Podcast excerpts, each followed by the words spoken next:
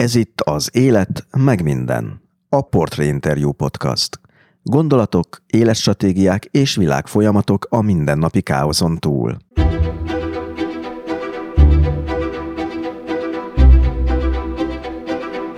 Talán mert egyedül érezzük magunkat, talán csak azért, mert van erről egy történetünk. Szeretünk azon elmélkedni, hogyan is kerültünk ide, a Kárpát-medencébe. Lehetséges, a kalandfilmünk úgy kezdődött, hogy egy nagy birodalom története véget ért?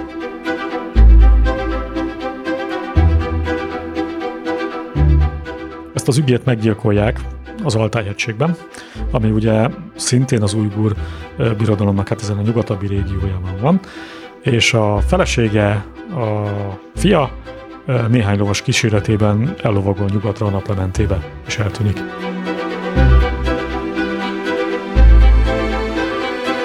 Sudár Balázs történész, turkológus persze hangsúlyozza. Mindez jelenleg inkább fikció, mint történelem, ám nem teljesen légből kapott elgondolás. A háttéreseményeket érdemes lenne megvizsgálni.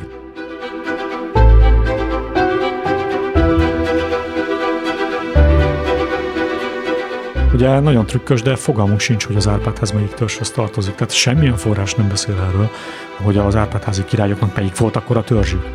Lehet, hogy egyik sem.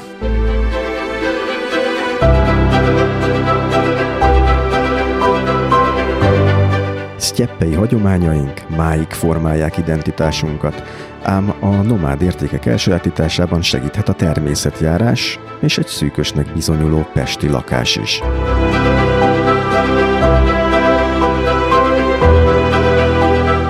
Az érték az nem az, ami drága, hanem az, ami jó. Meg az érték az, amit van és kell. Amit van és semmire nem kell, az nem érték. Az teher.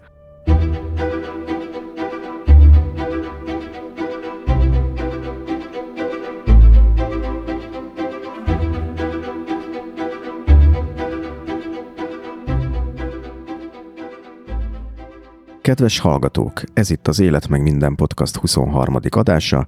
Én Tóth Szabolcs Töhötön vagyok, ebben az epizódban pedig Sudár Balázs ős történetkutatóval beszélgetek a magyarok vándorlásáról és bejöveteléről, Kóborló királyfikról, Sztyeppén utazó államalapítási know-howról, nyelvünk finnugor eredetéről, a hun-magyar rokonság mitoszáról, és arról a problémáról is, amikor a politika megpróbálja előírni, milyen eredményre kellene jutnia a kutatóknak ezekben a kérdésekben. De még mielőtt tovább mennénk, egy rövid emlékeztető.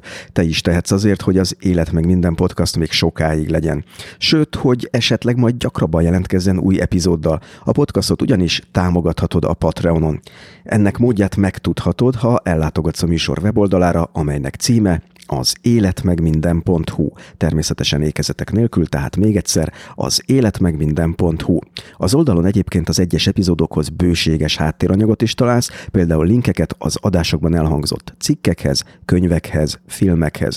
De ez még nem minden, az említett weboldalon feliratkozhatsz a podcast hírlevelére is, ez pedig a Stósz, ami szintén teljesen ingyenes. A hírlevelet két hetente küldöm ki, és benne azokat a cikkeket, filmeket, podcastokat ajánlom, amelyekre éppen ráakadtam vagy rákattantam. Tehát a műsor weblapjának címe még egyszer az életmegminden.hu.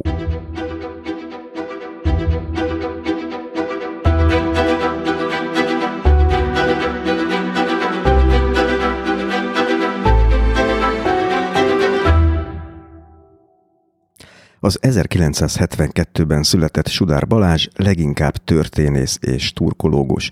Azért leginkább, mert zenész is, együttese hagyományos és meditatív török zenét játszik. Mindemellett a sztyeppei hagyományokat ápolva lovas íjászkodik, valamint a Magyar Történelmi Íjásztársaság tagja. Munkásságáért 2015-ben a Magyar Érdemrend lovak keresztjével tüntették ki. Jelenleg a Magyar Őstörténeti Témacsoport vezetője.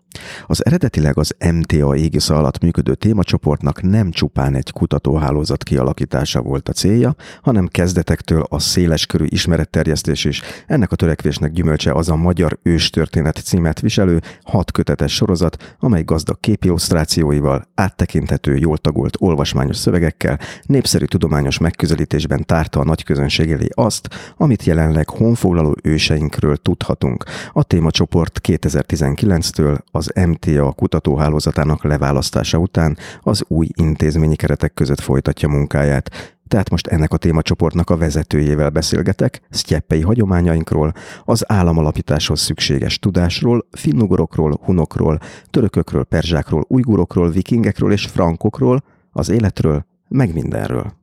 Kedves Balázs, köszöntelek a műsorban. Köszöntöm én is a hallgatókat. Itt rögtön az interjú elején el kell mondanom, hogy egy olyan emberrel fogok beszélgetni, aki nagyon sokféle dologgal foglalkozik, úgyhogy, hogy stílszerű legyek, a nagyon sokféle dolog felé el is fogunk kalandozni, de szerintem a hallgatók többségét az izgatja leginkább, hogy most mi magyarok honnan is jöttünk a Marsról, vagy a Siriusról, úgyhogy azt javaslom, hogy rögtön csapjunk is a közepébe, mert hogy rögtön le kell hűtenem a kedélyeket, ugyanis korábbi interjúidban te rendre el szoktad mondani, hogy igazából az etelközig látunk ebben a kérdésben. Mit értesz ez alatt? Hát azt értem, hogy a etelköz előtti időszakból nem tudunk történeteket elmesélni.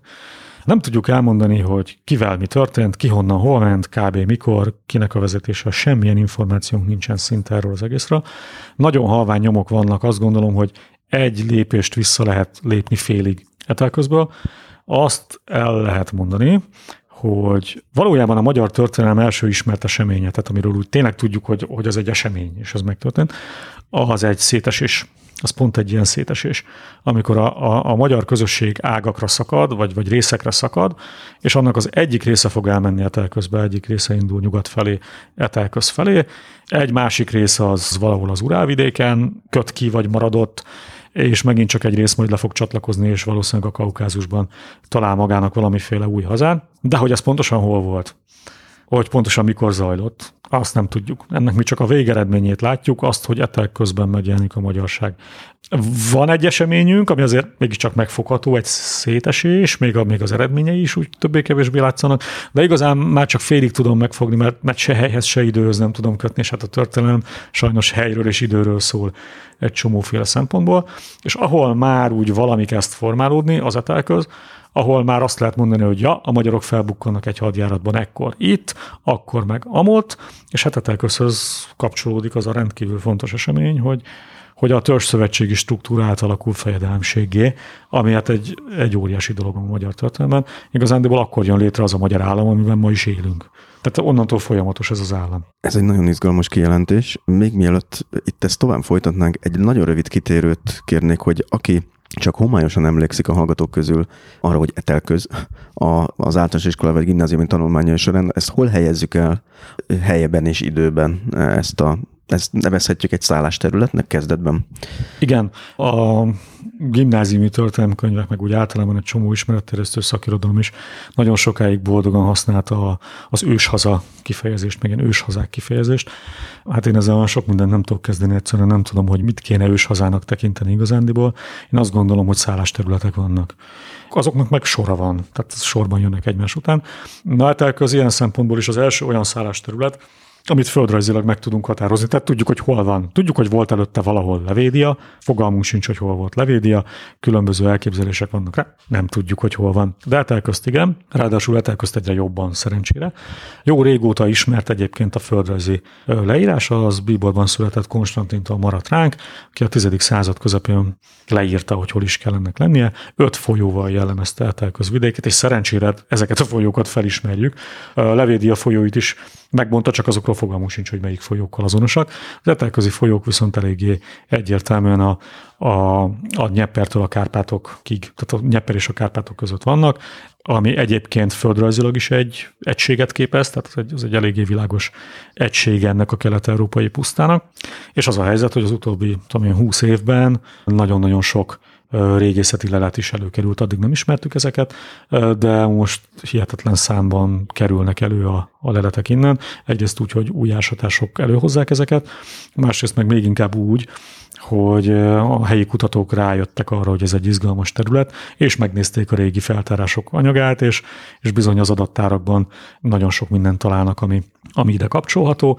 Ennek az első lépése az az volt, hogy a nyeppermenti szállások kerültek elő, ez a Subotci Horizont nevű lelet ö, csoport, ezt egy ukrán régész kollega rakta össze, és most hát ennek meg lett tulajdonképpen a, a nyugati fele, a Prut és a Nyeszter mentén éppen néhány napja mutatták be a, a moldáv kollégák a gyűjtésüket, most 40 lelőhelyről beszélnek már, ami egy elképesztő szám egyébként ebben a És ezeknek a többsége magyar vonatkozású lelőhely?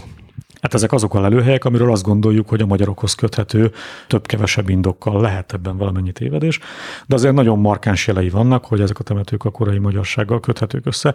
Ez óriási szám egyébként, tehát, tehát többi hajdan volt népeknek messze nincs ilyen ismert hagyatéka, mondjuk a besenyőknek nincs ennyi lelőhelyük, mint nekünk.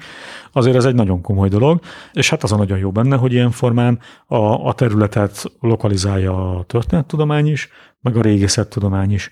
Tehát, hogy, hogy ez eléggé biztosnak tűnik. Tehát aki előtt nincs térkép, azt tudjuk mondani, hogy egy pár száz kilométerre a Kárpát-medencétől keletre kezdődik ez a Hát gyakorlatilag ez a Kárpátok, Kárpátok keleti lábaitól uh-huh. kezdődik, és nagyjából a, a Nyepperig tart. Sőt, hát a Nyeppernek valójában a, a keleti partján is még vannak temetők, tehát látszik, hogy, hogy a Nyepper völgye úgy nagyjából Kijevig, a, a torkolattól Kievig, az Etelközhöz tartozott, igen. És akkor ezek a leletek is azt mutatják, hogy itt egy nagyon erőteljes magyar jelenlét van már, sőt, az előbb te azt mondtad, és itt fölkaphatja a hallgató a fejét, meg én is, hogy tulajdonképpen az államalapítás az itt lezajlott, mert ugye mi úgy tanuljuk az iskolában, hogy államalapító Szent István. Hogy akkor ez itt milyen államalapítás?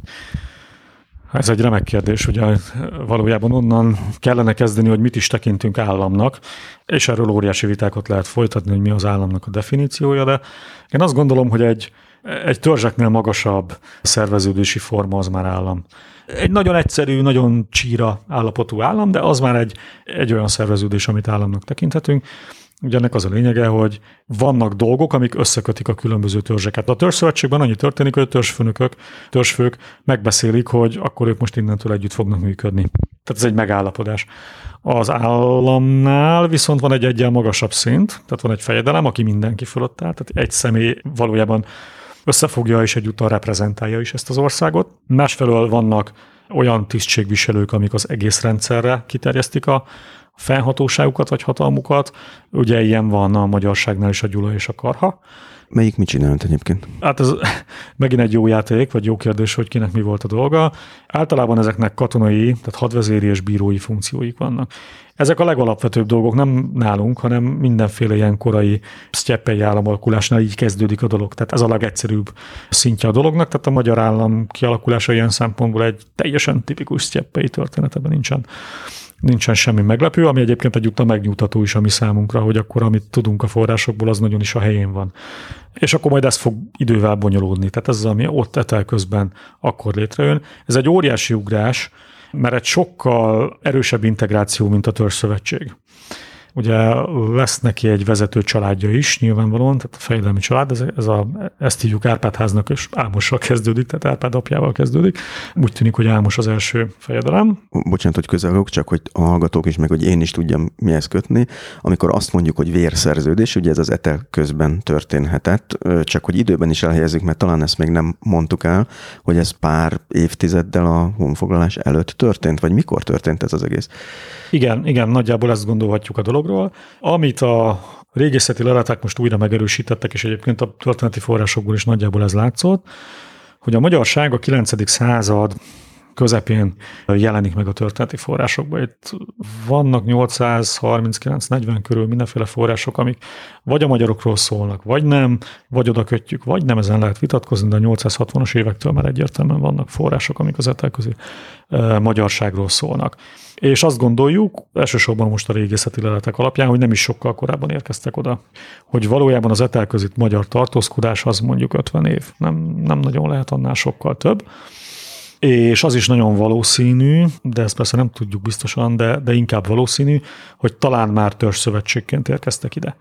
És az is egyetemű, hogy viszont itt megtörténik a fejedelemválasztás, ha jól rakjuk össze a logikai rendszereket, akkor talán 881 előtt, mert 881-ben van már egy olyan esemény, amikor a magyarok és a kabarok együtt harcolnak a, talán a mai Ausztria területén, tehát a kabarok már csatlakoztak a magyar szövetségi rendszerhez, és viszont azt meg tudjuk, hogy a hogy a magyarság az abszolút hétnek képzeli el magát, tehát hét magyarban gondolkodik mindig, és a kabarok teljesen egyértelműen nincsenek benne ebben a hétben. Tehát a, ennek, a, ennek a nagyon stabil hetes egységnek a kabarok előtt létre kellett jönnie, úgyhogy azt gondolhatjuk, hogy igen, valamikor ott a 9. század második felében, valahogy 880 előtt jön létre ez az állam. Egyébként ilyen szempontból roppant érdekes a magyar hagyomány, ami azt mondja, Kerek Perec, hogy a fejedelem választás az azért történik, mert le kell bonyolítani a honfoglalást. Tehát a költözést egy központi irányítással kell megcsinálni, hogy működjön, tehát nagyon nem lehetett a honfoglás előtt, azt gondolom. Most itt bocsánat, hogy egy kicsit olyan üzemmódba váltok, mint amikor a kisgyerekek megkérdezik, hogy miért kék az ég, és folyamatosan folytatjuk ezeket a kérdéseket, csak hogy nem maradjon elvaratlan szál, hogy itt a vérszerződésre kérdeztem rá, akkor igazából az a vérszerződés, amit mi az iskolában tanulunk, ez azt jelenti, hogy itt már a fejedelem választás érdekében történik ez az egész, és a honfoglalás érdekében, vagy ez még a korábbi állapot, amikor a hét törzs összerántotta magát, és akkor utána jött, a, amikor kibővítették ezt az egészet? Az a vérszerződés, amiről tudunk, az már egyértelműen a hét törzs létrejött után van, tehát amikor a hét fejedelmi személy összeül, hogy na akkor most valamit csinálni kellene, és egyértelműen etel közben van, és egyértelműen a fejedelem választásról szól. Tehát valójában ez a vérszerződés, ez, ez nem az, amikor a törzszövetség megköttetik, és a, a különböző emberek szövetséget kötnek egymással, hanem ez egy olyan megállapodás, ami arról szól, hogy innentől már pedig a, a fejedelem szava a döntő, és az Árpád ház, illetve az Ámos és leszármazottai lesznek a fejedelmek. Tehát tekintetjük ezt az államalapítási aktus részének. Igen, igen, egyértelműen a magyar hagyományban ez van megjelölve ekként, igen. Kik azok a kabarok? Hát a kabarokról nagyon-nagyon kevés történeti forrás van. Felbukkannak, aztán majd nagyon gyorsan el fognak tűnni. Egyébként egy nagyon fontos eleme a magyar őstörténetnek a kabarok kazárok. A kelet-európai térségben, amikor a magyar állam létrejön, meg amikor a magyarok etelközbe költöznek, akkor teljesen egyértelműen a, a legfontosabb és a legerősebb hatalom az a kazárbirodalom. Ez egy a, a Volga alsó folyásánál lévő területekről kiinduló, illetve ott Kaukázus lábaitól kiinduló, de a Volga alsó folyásához kötődő, idővel oda kötődő birodalom, ami teljesen világosan a kereskedelemre építi rá a saját egzisztenciáját, elképesztően gazdagok. Ugye az észak-déli kereskedelmi út, meg a kelet-nyugati kereskedelmi út találkozik náluk, ezt fölözik le, és aztán ebből a gazdagságból igen-igen komoly hadseregre tesznek szert, amivel aztán különböző területeket a befolyásuk alá vannak. Na most, hogy ez hogy történik, meg hogy nem történik, az nagyon homályos, mert igazándiból nincsenek erre nagyon jó forrásaink, de az biztos, hogy ez a kazárbirodalom az egy 200-250 évig nagyon stabilan fennáll. Ami a sztyeppei régióban azért az egy nagyon komoly idő. Tehát az egy, egy normál sztyeppe állam az ilyen 50-60-70 év. Tehát egy viszonylag rövid, ez egy stabil, valahogy stabilizálja magát és nagyon meghatározó a térségben. Ráadásul, ha jól emlékszem, ők talán nagyon kevés olyan nép között vannak, akik a zsidó vallást veszik fel, vagy valamiképpen, ezt nem is tudom, hogy működik ilyenkor a, a vallás export, amikor van egy kiválasztott nép, és az nem azok, akik fölveszik ezt a vallást. Hát ez egy remek kérdés, ezen nagyon nagy viták zajlanak. Ugye maga a folyamat megint nomád szempontból teljesen egyértelmű, ha elérünk egy szerveződési fokra, akkor nincsen tovább, ha nincsen tételes vallás. A tételes vallás úgy tűnik, hogy valamiféle rendezettebb gondolkodást, talán írásbeliséget hoz úgy tűnik magával, talán hoz magával egy egyházszervezetet, vagy valamiféle szervezetet is, ami megint csak meg tudja erősíteni a hatalmat, hoz magával egy legitimációt, egy külső legitimációt, tehát akkor már a, a hatalom nem csak belülről, hanem kívülről is eredezteti magát, ami ugye a belső bajoknál eléggé jól jön. Tehát ezt meg kell lépni minden ilyen országnak előbb-utóbb. A kazárok a, a judaizmushoz fordultak, ki tudja miért. Nem teljesen egyértelmű, hogy ez miért történik. A hagyományos magyarázat az az, hogy hogy azért, mert egy gyakorlatilag egy muszlim keresztény harapófogóban éltek Bizánc és az arabok között, és akkor ők akartak egy harmadik utat keresni maguknak, és ez lenne a judaizmus. Hát ez így egy jó hangzó magyarázat, de hát politikailag akár kontraproduktív is lehet. Tehát nem egészen látjuk át, hogy ez miért történik, mint hogy az sem, hogy mikor. Nem világos, van, amikor nagyon korai időpontra tették, van, amikor nagyon késeire, most már vannak olyan elméletek, amelyek azt mondják, hogy ez azért leginkább a 9. század eleje lenne, tehát ilyen szempontból mondjuk a zsidó kazária az a magyar vándorlás végével párhuzamos. Ugye az se világos, hogy, a, hogy Kazárjának mekkora része lesz muszlim, mert a muszlim források például azért alapvetően azt mondják, hogy ez, ez az ország alapvetően mégiscsak muszlim. Azt is tudjuk, hogy egy csomó keresztény van, tehát ez egy sokvallású ország marad. Ugyanakkor azért arról eléggé sok forrás van, hogy a kazár történelem utolsó időszakában a, a dinasztia, tehát a vezető dinasztia az, az valóban zsidó vallású. Na és akkor mi annyit tudunk erről a dologról, hogy Kazáriában valamikor jó eséllyel a 9. század dereka tájékán kitör egy belháború, és az a társaság, aki ezt elveszti, az elmenekül. És ez három törzsnyi, vagy három törzs töredéknyi ember lenne, és ezek a magyarokhoz menekülnek, és ők a kabarok. Ők lennének a kabarok, akik aztán csatlakoznak a Magyar Törzszövetséghez, a magyarok átszervezik őket, és aztán jönnek a magyarokkal együtt a Kárpát-medencébe. És itt aztán gyakorlatilag eltűnnek. Tehát nem, nem tudjuk, hogy pontosan mi lesz velük. Vannak különböző elképzelések, hogy mondjuk az Abba nemzetség az kabar lenne, hogy akkor ilyen formán a Mátra alja, tehát hogy az északi középegység lábaihoz költöznének be a kabarok, hát vagy oda költöznek, vagy nem. Tehát, hogy ez, ez egy eléggé nyitott kérdés. És akkor azt sem tudjuk, hogy ők milyen vallásúak voltak? Nem, nem, semmilyen szinten nem tudjuk, hogy milyen vallásúak voltak, gyakorlatilag bármilyen vallásúak lehettek, igazság szerint. Sokféle verzió van, tehát van az a verzió, hogy, a, hogy éppen a, a dinasztia, már hogy a kazár uralkodó dinasztia vallásváltásával lenne ez valahogy összefüggésben, és a, a zsidó vallásosság ellen fellázadó kazárcsoportok lennének, vagy egyáltalán a, a zsidó elit ellen fellázadó kazárcsoportok lennének. Ha ezek, akkor, akkor esetleg muszlimok, vagy esetleg teljesen a, a, a sztyeppei szokásos vallásosságot, amit jobb-rosszabb szóval tengrizmusnak szokás nevezni, annak a követői lennének, de van, aki már azt feltételezte, hogy de hát tulajdonképpen ők akkor mégiscsak zsidók lennének. Nem tudjuk. Nincs, erre nincsen semmilyen forrás közvetlenül. Ez alapján egy meredek feltételezés lenne azt mondani, hogy a korábbi, tehát ennek az egész társaságnak a magját alkotó hét törzs is hasonlóképpen szerveződött össze valamikor korábban, hogy voltak törzsek, akik úgy gondolták, hogy ez neki kép jó lesz, valahonnan menekültek, vala menedéket kerestek, éppen akkor jó volt, és összeálltak. A logika mindenképpen azt mondja, hogy igen. Tehát, hogy ez történik, hogy ez a hét törzs, ez valamikor, ami ugye eleve nyolc, mert van a kürdgyarmat, ami, ami egy törzsnek számít, de hát láthatóan kettő, és nagyon komolyan kettő, hiszen a magyar településekben olyan település nincs, hogy kürdgyarmat, olyan, hogy kürt van egy csomó, meg olyan, hogy gyarmat az is van egy csomó, kürdgyarmat meg nincs. Tehát látható, hogy azért ők nagyon jól tudták, hogy ők kettő, dacár annak, hogy a, az irányítási struktúrában egynek számítottak. Azt lehet tudni, hogy miért vonták őket össze, úgy mint nem, racionalizáltak nem a szervezetben? Nem tudjuk, hogy mi a történés, ugyanakkor az egy teljesen normális dolog, hogy két kisebb törzs az, az fúzionál valamilyen módon. Hogy itt pontosan mi történik, azt nem tudjuk, de azt tudjuk, hogy még a Kárpát-medencén belül is ők pontosan tudták, hogy ők kettő. Már ez is egyébként mutatja, hogy ugye ez egy szerveződő dolog. Tehát már a hét magyar is egy, egy bonyolultabb szerveződésnek a végeredménye, de vannak még jelek, amik arra mutatnak, hogy persze ez egy újra szervezett dolog, és nyilván ezért van az, hogy a, magyar törzsnevek azok nem nagyon jelennek meg a sztyeppén. Mert hogy ez egy nagyon régi törzsi szisztéma lenne, viszont van, ahol mégis megjelenik, és az pedig baskírja, a baskirok. És az azért érdekes, mert a baskirokkal amúgy is a, már a korai muszlim történetírás, földrajzírás kapcsolatba hozta a magyarokat, tehát a baskirok és a magyarok között van valami, Hát a baskír törzsi nemzetségi rendszert azt a 18. század közepéről eléggé jól ismerjük, akkor az oroszokhoz tartoztak, és az oroszok nagyon rendesen összeírták őket, meg katonáskodniuk kellett, és ez gyakorlatilag egy katonai összeírásnak az alapja volt. És hát az a helyzet, hogy a, a turkológusok eléggé jól rájöttek, hogy a baskírok egy török nyelvű nép, eléggé gyorsan rájöttek, hogy egy csomó olyan törzs és nemzetségnél van a baskíroknál, amit tulajdonképpen a hét törzsel a magyar héttörzsel kapcsolatba hozható.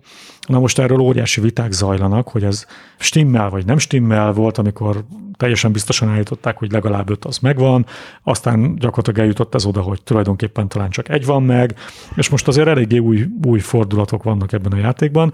Kettő az eléggé stabilnak látszik, az egyik az a Jurmati, az pont a gyarmat, a másik pedig a Jenej, az a jenő, amiről ugyan felmerült, hogy az egy etimológiailag nem passzol össze a jenej meg a jenő, de az a helyzet, hogy kiderült, hogy mondjuk, és ez a, ez a genetikának szinte a legújabb eredménye, hogy a, a baskír törzsek és nemzetségek közül éppen a jeneje az, aminek a legtöbb, és nem, nagyon nem kevés genetikai kapcsolata lehet a, a honfoglaló magyarsággal. Tehát lehet, hogy a jenejnek a, a hajdani kapcsolódását most éppen a genetika fogja nekünk bebizonyítani, egy, egy nagyon izgalmas új eredmény.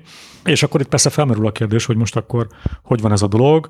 Én azt gondolom, hogy a, a legreálisabb forgatókönyv az az, hogy még a törzszövetség előtt valamikor réges-régen, egy ismeretlen országban, amit lehet, hogy ismerünk, csak nem tudjuk, hogy arról van szó, megvoltak ezek a törzsek, ez az ország szétesett, és akkor a, ezek a törzsek egyébként teljesen normális módon elfeleződtek, vagy, vagy darabokra hullottak szintén, és egy részük a baskír népalakulásnak a része lett, a másik részük pedig a magyar népalakulásnak a része lett. Tehát ez egy még korábbi történeti szál a magyarok esetében, csak hát nem tudjuk, hogy mikori. Megint csak a végeredményt látjuk. Aki előtt nincs térkép, mit tudunk mondani, hogy a baskírok azok most hol vannak, vagy, vagy mit érdemes ez elhelyezkedésekről tudni? A baskírok az egy nagyon-nagyon izgalmas, nagyon speciális történetű török nép, azt gondolom.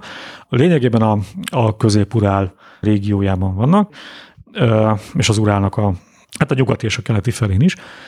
Erről azt érdemes tudni, hogy hogy az Urál, mint hegység, azért az nem olyan, mint a Kárpátok.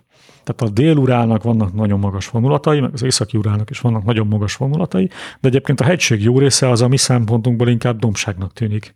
És azt sem szokás tudni Magyarországon, hogy a, a Steppe régió az igazándiból az Urálnak mind a két oldalán, tehát a keleti és a nyugati oldalán is, elég messzire északra felnyúlik, pont a közép-uráli átjáróig. Mekkora területről ez, a, ez az eurázsiai sztyeppe régió egyébként? Ez egy fontos kérdés talán, hogy ezt el tudjuk képzelni. Hát az a mai Mongóliától indul, és tulajdonképpen eltart a Kárpátokig. Tehát az etelköz volt a vége igazából ennek.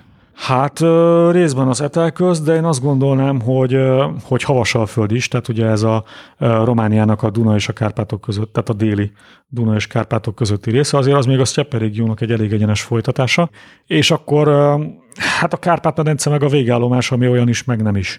Tehát a, ez az a nagyon vízjárta, tehát vízben nagyon gazdag terület, azért ez nem egy klasszikus sztyeppei terület, eléggé erdősült, ugyanakkor eh, a nomádoktól nem idegen az erdős sztyeppei jelenlét. A magyarokról egyébként leginkább azt lehet gondolni, hogy pont ebben az erdős sztyeppei részben élnek, tehát ahol a, a füves és a, az erdőzóna átmegy egymásba. Már mielőtt a etel közbe érkeztek volna valahonnan egy ilyen területről. Igen, igen, igen. Érkeztek igen, oda.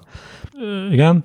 Tehát ez már nagyon a vége, a Kárpát-medence nagyon, nagyon a vége, a, a, a klasszikus sztyeppének, és azért itt már nagyon más életmódot élnek a, a népek, mint a klasszikus sztyeppei életmód. Nem véletlen, hogy itt pillanatok alatt mindenki letelepszik. Tehát mindenki felhagyja a nomád életmódot, és megtelepszik, és, és gyakorlatilag földművelők lesznek az ide költöző népek, még akkor is, hogyha jó sokáig őrzik egyébként a sztyeppei hagyományaikat, mint hogy mondjuk az avarok azért egészen sokáig őrizték, de hát aztán ők is azért földművelőként végezték ezt a dolgot. Tehát baskírokról beszéltünk, hogy ők akkor kb. ott létezhettek, vagy léteznek, mint uh, amit korábban magyar hazának gondoltunk az Urál mentén? Igen, mondhatunk valami ilyesmit. Igen, tehát ugye a, a tankönyvekben a Volga Káma köze szerepel, és az már az a régió, igen ugye ez az a hely, ahol Julianus barát megtalálja a magyarokat. Tehát ez, ez a Magna Hungária. És az egyébként igaz, hogy ő még beszélgetni is tudott velük 1200 valamennyiben, amikor ott volt? Igen, hát ő ezt állítja, tehát miért ne hinnénk el, hogy tudott velük beszélgetni, és hát egyébként meg miért ne tudna. Tehát azért, ha azt gondoljuk, vagy, vagy úgy gondolkodunk, ahogy mondjuk én magamtól gondolkodom, hogy tehát ez a szétesés azért ez nem a az idők homályának a mélyén zajlott, hanem azért ez, ez szerintem igazándiból a 9. században történt. Akkor mondjuk Julianus barát az mennyire 300, 400, 450 évre van ettől a az időponton. Ez 400-450 év alatt a magyar nyelv a jelek szerint nem változik annyit, hogy teljesen érthetetlen legyen. Tehát akkor megpróbálom összefoglalni, amiről eddig beszéltünk, mert e- szerintem ezek elég meredek állítások, nekem legalábbis, aki nem voltam benne. Ugye arról van szó, hogy ezek szerint nem több száz éven keresztül vándoroltunk, hanem ez néhány évtized alatt zajlott le ez igen, az egész dolog. Igen, igen, most azt gondoljuk, hogy a, valahol az Urál környéki szállásterületről, amiről egyébként nem tudjuk, hogy hol volt, arról a szállásterületről, ugye villámgyorsan, tehát a vándorlás az rövid, átvándorolnak etelközbe, tehát az akár egy-két év is lehet, ez nem, nem a nomádok gyorsan mennek, ha akarnak, Etel közben lehúznak egy fél évszázadot, és akkor onnan szintén meglehetősen gyorsan beköltöznek a Kárpát-medencébe. Tehát valahonnan az Urál vidékéről Kárpát-medencéig eljutni a magyarságnak most azt gondolom, hogy egy szűk évszázad volt. Még maradjunk egy kicsit etel közben, és tényleg nem akarom az idők végezeteig húzni ezt a kérdést, de a nagyon érdekes az, ugye itt az államalapításnál, hogy azért ehhez kellett valami tudás, hogy hogy működjön, hiszen ha jól értem, most nyilván kivetítem egy modern államra ezt az egészet, de valahogy úgy képzelem, és nem vagyok ebben szakértő, hogy egy állami struktúrának a hatalom megosztás az része. Tehát, hogy van egy főbíró, van egy nagyvezír, van egy akár szimbolikus szerepet betöltő nagy fejedelem, mégiscsak megosztják a hatalmat, és ez nem egy magától értetődő tudás, hogy az kell, hogy ehhez működjön.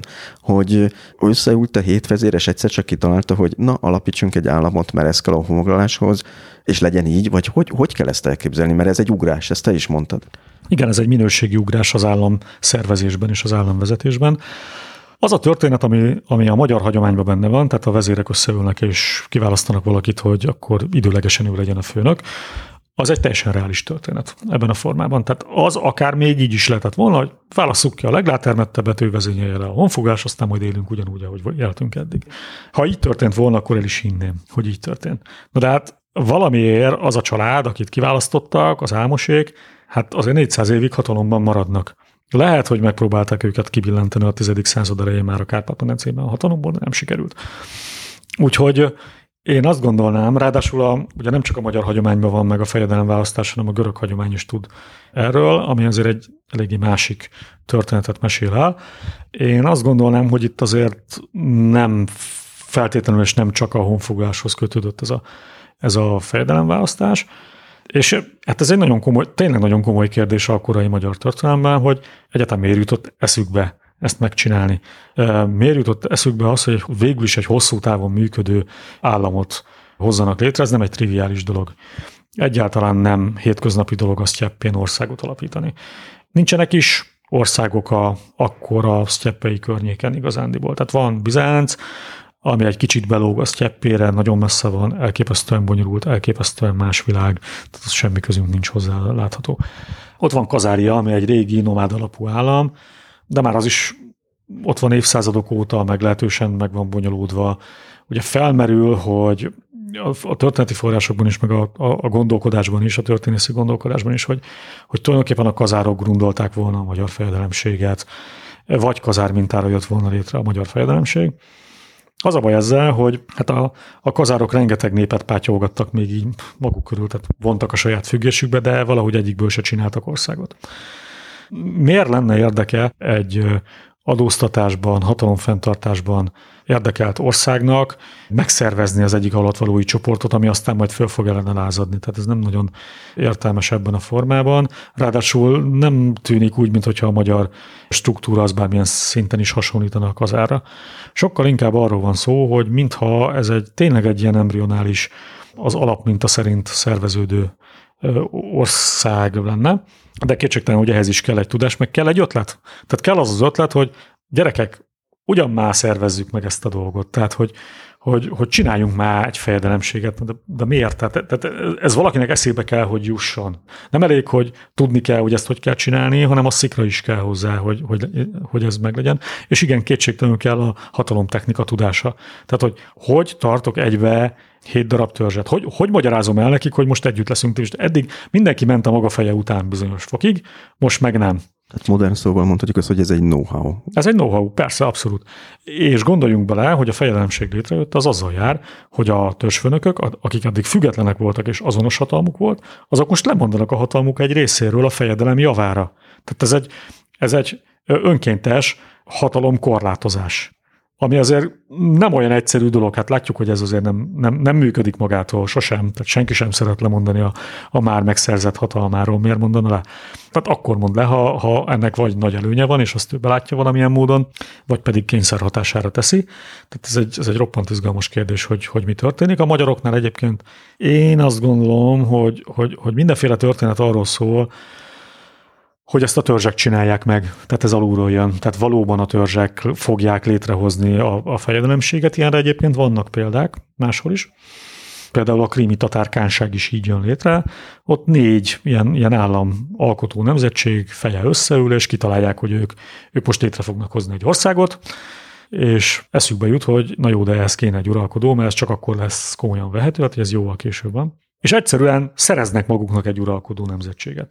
Ugye az ő idejükben ez, ez valamivel egyszerű, mert a sztyeppei régióban tudva levő, hogy Genghis Khan utódai azok a, azok a személyek, akik legitim fejedelmek lehetnek. Tehát ahhoz, hogy, ezt, hogy egy komolyan vehető országot csináljon valaki, ahhoz kell egy Genghis-ida leszármazott. És ők egyszerűen körbenéznek a térségbe, hogy hol vannak Kóbor Genghis-ida hercegek, és a litván udvarban találják ezt meg. És akkor írnak a litván uralkodónak, hogy ugyan küldje már el ezt az egyébként ott menekültként élő herceget, mert nekünk teljesen jó lenne uralkodónak. Ott engedi a napjait, és igen, igen, érkezik igen. egy követ, hogy ugyan legyél igen. már a mi fejedelmünk? Ez történik, és akkor a litván uralkodó kihagyja kiadja, és gyakorlatilag engedélyt ad erre, hogy akkor ez a, fejedelem, vagy ez a, ez a herceg elmenjen. Elmegy, ő lesz a krími tatár Kán, immár kánként a nemzetségek fölött, megalakítja a, a sok száz évig fennálló Kánik dinasztiát, a Girei dinasztiát, és akkor nem olyan sokkal később, amikor a Krímről hallunk, akkor már csak arról hallunk tulajdonképpen a felületesebb dolgoknál, hogy hát van a kánság, és annak van a kánja, meg a káni családja. És hogy egyébként ezt országalkotó nemzetségek hozták létre, arról már csak a, a jobban értesültek tudnak. Tehát van ilyen modell, most a magyaroknál ez szerintem játszik. Tehát ha mondjuk az álmos vezérnek a családja, akit megválaszolnak, az lehet, hogy egy, egy külső meghívás, vagy egy külső, legalábbis egy külső tudás érkezik oda a törzszövetségbe? Igen, ez egy teljesen elképzelhető forgatókönyv. Ugye nagyon trükkös, de fogalmunk sincs, hogy az Árpádház melyik törzshöz tartozik. Tehát semmilyen forrás nem beszél erről, hogy az Árpádházi királyoknak melyik volt akkor a törzsük. Lehet, hogy egyik sem. Ja, hogy a hét törzs közül nincs is megnevezve soha, hogy akkor melyik az Árpádházé? Nincs. Nem, nem, nem tudjuk összekötni a törzseket az Árpádházzal. Ráadásul van egy ilyen nagyon fura kitétel a magyar krónikás hagyományban, hogy Ámos régi királyi családból származik. De az is benne van mindegyik anyagban, hogy a magyaroknak korábban nem volt országuk, nem volt uralkodójuk, nem volt uralkodó családjuk, akkor ugye ez egy ellentmondásnak tűnik. Tehát hogy lehet régi királyi családból származó valaki úgy, hogy egyébként pedig nem is volt királyság? Hát úgy, hogy kívülről jön. Tehát lehet úgy királyi családból származni, hogy nem ebben a közösségben voltam a királyi család sarja és ez egyébként a know-how-t is magyarázna kapásból. Ez egy nagyon-nagyon izgalmas feltételezés, és hát itt elrugaszkodunk egy kicsit a történet tudománytól, és ezért is hangsúlyoznám, hogy nehogy az legyen, hogy itt a műsor kapcsán 25 történész fog neked támadni, hogy ez tudománytalan. Ezért úgy kérdezem, hogy létezhetnek erre logikailag megalapozott feltevések, hogy ugyanhonnan jöhetett, ha kívülről jött ez az uralkodó család, az Árpádház, az Álmos, a hét törzs élére, akkor, akkor honnan érkezett? Hát ugye fogalmunk sincs, tehát tényleg az az alap, hogy nem tudjuk. Ugye az is feltételezés, hogy kívülről érkezett, tehát mondjuk ennyiben, hogy azt gondolom, hogy egy megalapozott, vagy, vagy lehet emellett érvelni, de nem, nem bizonyosság azért ez. Ha kívülről jött, akkor, akkor mindenképpen több helyről jöhetett. Tehát egyrészt kikerülhetett akár kazáriából is tényleg. Tehát miért ne kerülhetett volna ki onnan. Ami mondjuk a kazár-magyar kapcsolatok szempontjából picit furának tűnik. Tehát, hogy nagyon úgy néz ki, hogy a Bíborban született Konstantin fejedelem választós története mellett, ami egy, egy nagyon komoly kazár befolyásról szól, és egyébként nagyon úgy néz ki, hogy ez egy kazár sztori, tehát azt a kazárok mesélik el a magyar állam alapításról, azt nem a magyarok mesélik. Még ebben a történetben sincs az, hogy kazár lenne. Az, hogy kazár kapcsolatai vannak, az igen, de hogy kazár lenne, az nem. Márpedig ez, tehát ugye, ha valami, akkor ott ennek az infónak helye lenne. És hát egy olyan állam van, ami, ami igazán komolyan kibocsáthatna ilyen uralkodót, az meg tulajdonképpen az újgur birodalom, és ezt el szoktuk felejteni a magyar őstörténet, illetve nem, nem is igazán emlékszem, hogy bárki elemezte volna azt a kérdést, hogy a magyar állam alapítás előtt, tehát a fejedelemválasztás előtt néhány évtizeddel, hát összeomlik a, a Sztyeppe régió nagy hatalma, az újgur birodalom 840-ben. Ezt kb. úgy képzeljük el, mint a Szovjetunió összeomlását. Ez kb. akkora is volt, nem? Tehát ez egy óriási kiterjedés dolog picit volt. más, meg, meg azért Ujguria nem, nem terjeszkedik ennyire nyugatra talán, mint mondjuk az elődje a török birodalom, de azért ez egy jókora hatalmas állam, óriási befolyással a környezetében, tehát mondjuk, a, mondjuk Kínára is nagyon-nagyon komoly belpolitikailag is, tehát a kínai belpolitikára is nagyon komoly befolyása van az újguroknak. Tehát ez nem egy elhanyagolható társaság. Na most ez összedől. Kívülről megtámadják, és gyakorlatilag szétverik. És a folytatása az nem a szokásos folytatás, hogy átfestik a cégtáblát, és akkor majd egy új társaság viszi tovább a birodalmat, hanem megszűnik. Megszűnik, és szétaprózódik. Ami azt is jelenti, hogy 840 után igazándiból egy csomó új, kisebb-nagyobb állam jön létre itt a 840-es, 50-es, 60-as években. Ez ez az az időszak, amikor mi közben érkezünk kb. nem? Igen, ez az az időszak, amikor mi etelközbe érkezhetünk. Tehát még az is lehet, hogy az új szomlás a magyarok etelközi bevándorlásával is összefügg, de nem biztos, mert lehet, hogy az korábban volt, tehát ezt nem tudjuk. De hogy a magyar állam létrejött, tehát az államiság létrejött el, és ez az új, újgur idők utáni állam létrehozási boom, ez legalábbis időben egybeesik, azért az fura. Onnan is inkább egyébként, mert talán te mondtad korábbi interjúkban ezt a hasonlatot egyszer, hogy ugye beszéltünk erről az óriási Eurázsia sztyeppéről, hogy ez olyan, mint egy szövet, tehát hogyha valamilyen pontot megpiszkálnak, akkor végig hullámzik az egészen, már pedig itt nem arról van szó, hogy megpiszkáltak valamit, hanem itt gyakorlatilag egy kataklizma történik igen. ebben az időben. Igen, igen, igen. És ráadásul Ugye azt is tudjuk, hogy egy nagyon-nagyon erőteljes nyugati irányú kiáramlás van, tehát maguk az újgurok is a saját törsterületükhöz képest nyugat fele mennek, és hoznak létre újabb országokat, és a róluk leszakadó társaságok is ugye mind nyugatabbra hoznak létre különféle országokat. Most ez egy teljes science fiction, de jópofa történet, hogy a, az utolsó ujgur kagán, akit egyébként ügyének hívtak, akinek a neve nagyon hasonlít a mi ügyekünkre, aki ugye Álmos apja vagy nagyapja a, a magyar hagyomány szerint. Nem mondanám, hogy a két figura azonos volna, de érdekes, hogy a nevük hasonló. Ezt az ügyét meggyilkolják az Altájhegységben, ami ugye szintén az ujgur birodalomnak hát ezen a nyugatabbi régiójában van. Ott meggyilkolják, és a felesége, a fia, néhány lovas kíséretében ellovagol nyugatra a naplementébe, és eltűnik. Az ottani film így ér véget. Az ottani film így ér véget, és valójában nagyon vicces, hogy amilyen meg hát úgy kezdődik, hogy, hogy felbukkan Ámos, a, akinek az apja ügyek, de az ügyek nincsen benne semmilyen sztoriban. Tehát róla igazán annyit tudunk, hogy jó házasodott valahol Skítiában, valahol Sztyeppén, és egyszer csak előkerül Ámos, és akkor ő, a, ő az alkalmas fejedelem. Tehát, hogy ez egy, ez egy nagyon jó pofa egybeesés tulajdonképpen mondom még egyszer, nem, nem, nem mondom, hogy ezt én feltétlenül össze akarnám kötni, de a jelenség maga, hogy, hogy mondjuk Ámos születését az be lehet lőni a krónikák alapján, sőt talán meg is van mondva, hogy 819-ben született, ami tökéletesen egybevágna az ügyeknek az élet, vagy az ügyének, tehát az utolsó kagánnak az élettörténetével. Tehát, hogy, hogy ez egy kísérteties egybeesés, de nyilván, hát amíg nincsenek stabil forrásaink, addig nem mondhatunk semmit, tehát nem mondhatunk semmit, de, de az, hogy az újgur szétesés után egy csomó állam jön létre, az meg biztos. És valójában ebbe az állam képződési vagy állam alakulási sorba igazság szerint a magyar is beilleszthető, és legalábbis vizsgálható lenne együtt ez a csoport, hogy mennyiben függnek ezek össze, mennyire hasonlítanak, mennyire nem hasonlítanak. Hát ez még nem történt meg. Tehát annyit mondhatunk, hogy elképzelhető, hogy ült ott a hét vezér a vérszerződés után, előtt, most nem tudom, uh-huh.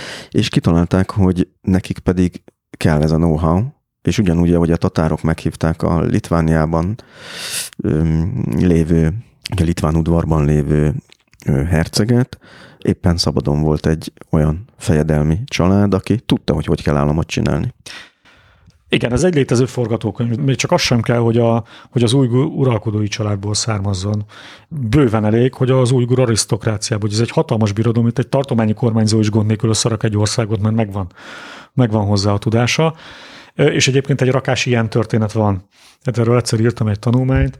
Ez a kóborló királyfi esete. Tehát ugye a népmeséink is tele vannak ezzel, hogy a, a királyfi vagy a királylány beszól az apjának, az kihajítja, és akkor ő elmegy, koldus lesz, meg szolga lesz, meg minden lesz, és akkor onnan felverekszi magát, és ugye megvan a know-how, és akkor elkerül a szomszéd király szolgálatába, aki aztán fiává, lányával fogadja hozzá, adja a fiát, lányát, akárkiét, és akkor ő lesz a következő uralkodó. De tulajdonképpen ez egy korabeli tudástranszfernek a ez egy leírása. Tudás, ez egy tudástranszfernek, igen, voltak éppen a leírás, de az a jó pofa, hogy a, lemegyünk a nullába, odáig, hogy semmi nincs, csak a tudás van, semmilyen infrastruktúra nincsen, semmilyen hatalom nincsen, semmilyen vagyon nincs semmi, és onnan mászunk vissza a hatalom tetejére. És az a jó pofa ebben, hogy tehát csak a magyar népességben lenne, azon nem lennénk ki a vízből, de az a helyzet, hogy egy csomó ilyen történetet leírnak a különböző nomád népek korai történetében, már egyébként már a tizedik században is vannak ilyen történetleírások, speciál pont az egyik ilyen kvázi újgur utódállamnak a, a, az alakulásának ugyanez a története. Egy elmenekült öcs, aki megpróbálja átvenni a bátyjától a hatalmat, de bukja a dolgot, tudja, hogy hát ebből ő jól nem jöhet ki egy határ után, úgyhogy ő egy szál lovon, egy szál szolgálólányjal, a szeretőjével ellovagol a pusztába. Ennyi történik ketten. És akkor szépen le van írva a történet, hogy hogy építi fel az országot, egyébként neki is hét törzse lesz. Gyönyörűen le van írva, hogy ezek a törzsek egyébként hogy jönnek létre, mert hogy azok sem etnikai alapúak, hanem, hanem már ott a törzsek megszervezése is politikai alapú, és hát ez egy, ez egy tizedik századi történet, kilenc tizedik századi történet, tehát hogy, hogy a know-how hogyan megy, azt cseppén, és hogy az, az gyakorlatilag egyetlen emberen is múlhat, azt már akkor így mesélik. Hiszen ugye maga a, az alapanyag ott van, rengeteg ott kavargó törzs, akik arra várnak, hogy megszervezzék őket, most kicsit túlzok nyilván, vagy, vagy szeretnék. Hát vagy szeretnék, vagy nem, tehát ez nem biztos, hogy annyira mindig önként van. De igazándiból ez, ez egy kicsit lavina, tehát ahol nincs államszerveződés, ott valaki már egy kicsit nagyobb struktúrát létre tud hozni, az már annyi sikeresebb lesz, mint a többi, és akkor azonnal elkezdenek vagy csatlakozni hozzá, vagy ő meghódítja őket. Tehát, hogy, hogy onnan ez már tud működni. Az biztos, teljesen egyértelmű, hogy a magyarságnál ez a know ez megvan. Ez teljesen egyértelműen bezuhan. Ezt több dolog bizonyítja. Egyrészt az, hogy létrehoznak egy olyan államot, ami nagyon virulens, nagyon aktívan elkezd beavatkozni a szomszédainak az életébe, aztán kibírja azt, hogy a, a besenyők megtámadják hátulról és megstuccolják. Az még az etelközről beszélünk, etelköz, még nem értünk a Kárpát-medencébe. Tehát egy, egy, már kibír egy kataklizmát, aztán kibírja azt, hogy át kell költözni a Kárpát-medencén, és el kell foglalni egy országot, ami egyébként különböző létező struktúrákkal bír, tehát nem egy üres területre megyünk be, ezt kibírja, még azt is megbírja szervezni, és ezek után még, még 400 évig Árpád néven lelkesen uralkodik. Tehát ezek nagyon tudtak valamit, ez az egyik. És hogy mennyire gyorsan megy ez a tudás, mennyire kapásból nyilvánvaló ez mindenkinek kívülről is, hogy megtörténik. Amikor a bizánciak arról írnak, hogy hát hogy is van ez a Sztyeppe régió, akkor azt mondják, hogy hát ezek a sztyeppei népek, ezek ilyen, hát így törzsenként szoktak lenni, ilyen, ilyen nagyon bonyolult, nagyon alacsony szintű szerveződési forma, nagyon szanaszét vannak tulajdonképpen, kettő darab társaság van, aki ebből kilóg, aki tisztességesen összebírta magát rakni, és normális országot bírt csinálni, a bolgárok meg a magyarok. Tehát ez már a tizedik században látszik, már a tizedikben is, teljesen világosan, hogy itt valami meg lett szervezve. Hogy ez van. Hogy ez nem egy, ez nem egy ilyen, ilyen pillanatnyi alacsony szintű dolog, hogy ez most akkor jó, akkor egy pár évig van valami, hanem hogy a kívülállók azt látják, hogy na ez egy komoly társaság. És az bizonyos, hogy létezik egy ilyen besenyőnyomás, ami, ami elindítja ezt, hogy a Kárpát-medencébe át kell menni, és ha van, akkor gondolom ez is összefüggésbe lehet az újgur kataklizmával, hiszen ott nagyon meglökték a rendszert, össze-vissza elkezdenek mozogni, gondolom a, a sztyeppei népek ennek következtében. Hát nem nagyon látjuk a besenyő vándorlás mikéntjét. Ugye, amit tudunk, hogy a besenyőket az oguzok tolják, az oguzok azok pedig az új birodalomból jönnek kifele. Tehát ennyiben igen, mindenképpen, csak nem nagyon látszik az időrendje a dolognak, tehát hogy mi mikor történik. Az, hogy az etel közből a Kárpát-medencébe való átköltözés mögött az újgurok vannak, az azt gondolom, hogy, hogy egy reális dolog. Ugye a magyar hagyomány, az ez egy győztes hagyomány, az azt mondja, hogy szó sincs semmiféle, tehát ott, ott a besenyők sincsenek. Ott arról van szó, hogy jövünk és elfoglaljuk a Kárpát-medencében, az milyen jó. Azért ez úgy szokott történni, hogy, hogy egy nomád nép az, az nem költözik odébb, ha nem kell. Gondoljunk bele, hát a, a nomád életforma, ami persze egy vándorló életforma, de az is kötődik a földhöz. Csak sokkal nagyobb földhöz kötődik, mint egy földműves. Gondoljunk bele, több tízezer állatot kell terelni. Hát ott az egy stratégiai tudás, hogy hova kell terelnem itatni. Ennyi állat iszonyatosan sokat iszik, és ha nem iszik, megdöglik. Vagy hol vannak azok a nagyon völgyek, ahol át lehet jól telelni velük.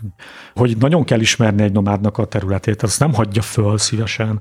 Hogyha egy új területet keres, akkor az eleve kockázat, ha megtalál, akkor azt meg újra fel kell mérni, meg kell ismerni, tehát irgalmatlan sok melót bele kell tenni, hogy működjön a rendszer. Tehát senki nem megy el magától, hanem kell elmenni. Azért mennek, mert meg kell. És, és hát a besenyő sztori, az, az tök világos, az teljesen világos, kicsit félre van értve a magyar szakirodalomban szerintem, de valójában a források teljesen egyértelműen elmesélik, hogy miről van szó.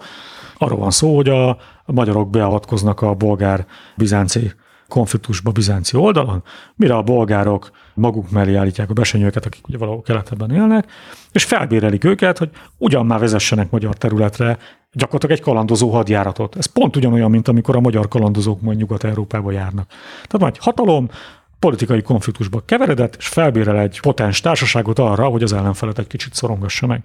De ez nem egy besenyő költözés, tehát ez, ez nem az, hogy a besenyők beköltöznek a magyar szállás területre, mert a besenyőket éppen kergetné valaki. Éppen akkor nem kergeti senki a hát Ez egy fizetett akció volt. Ami...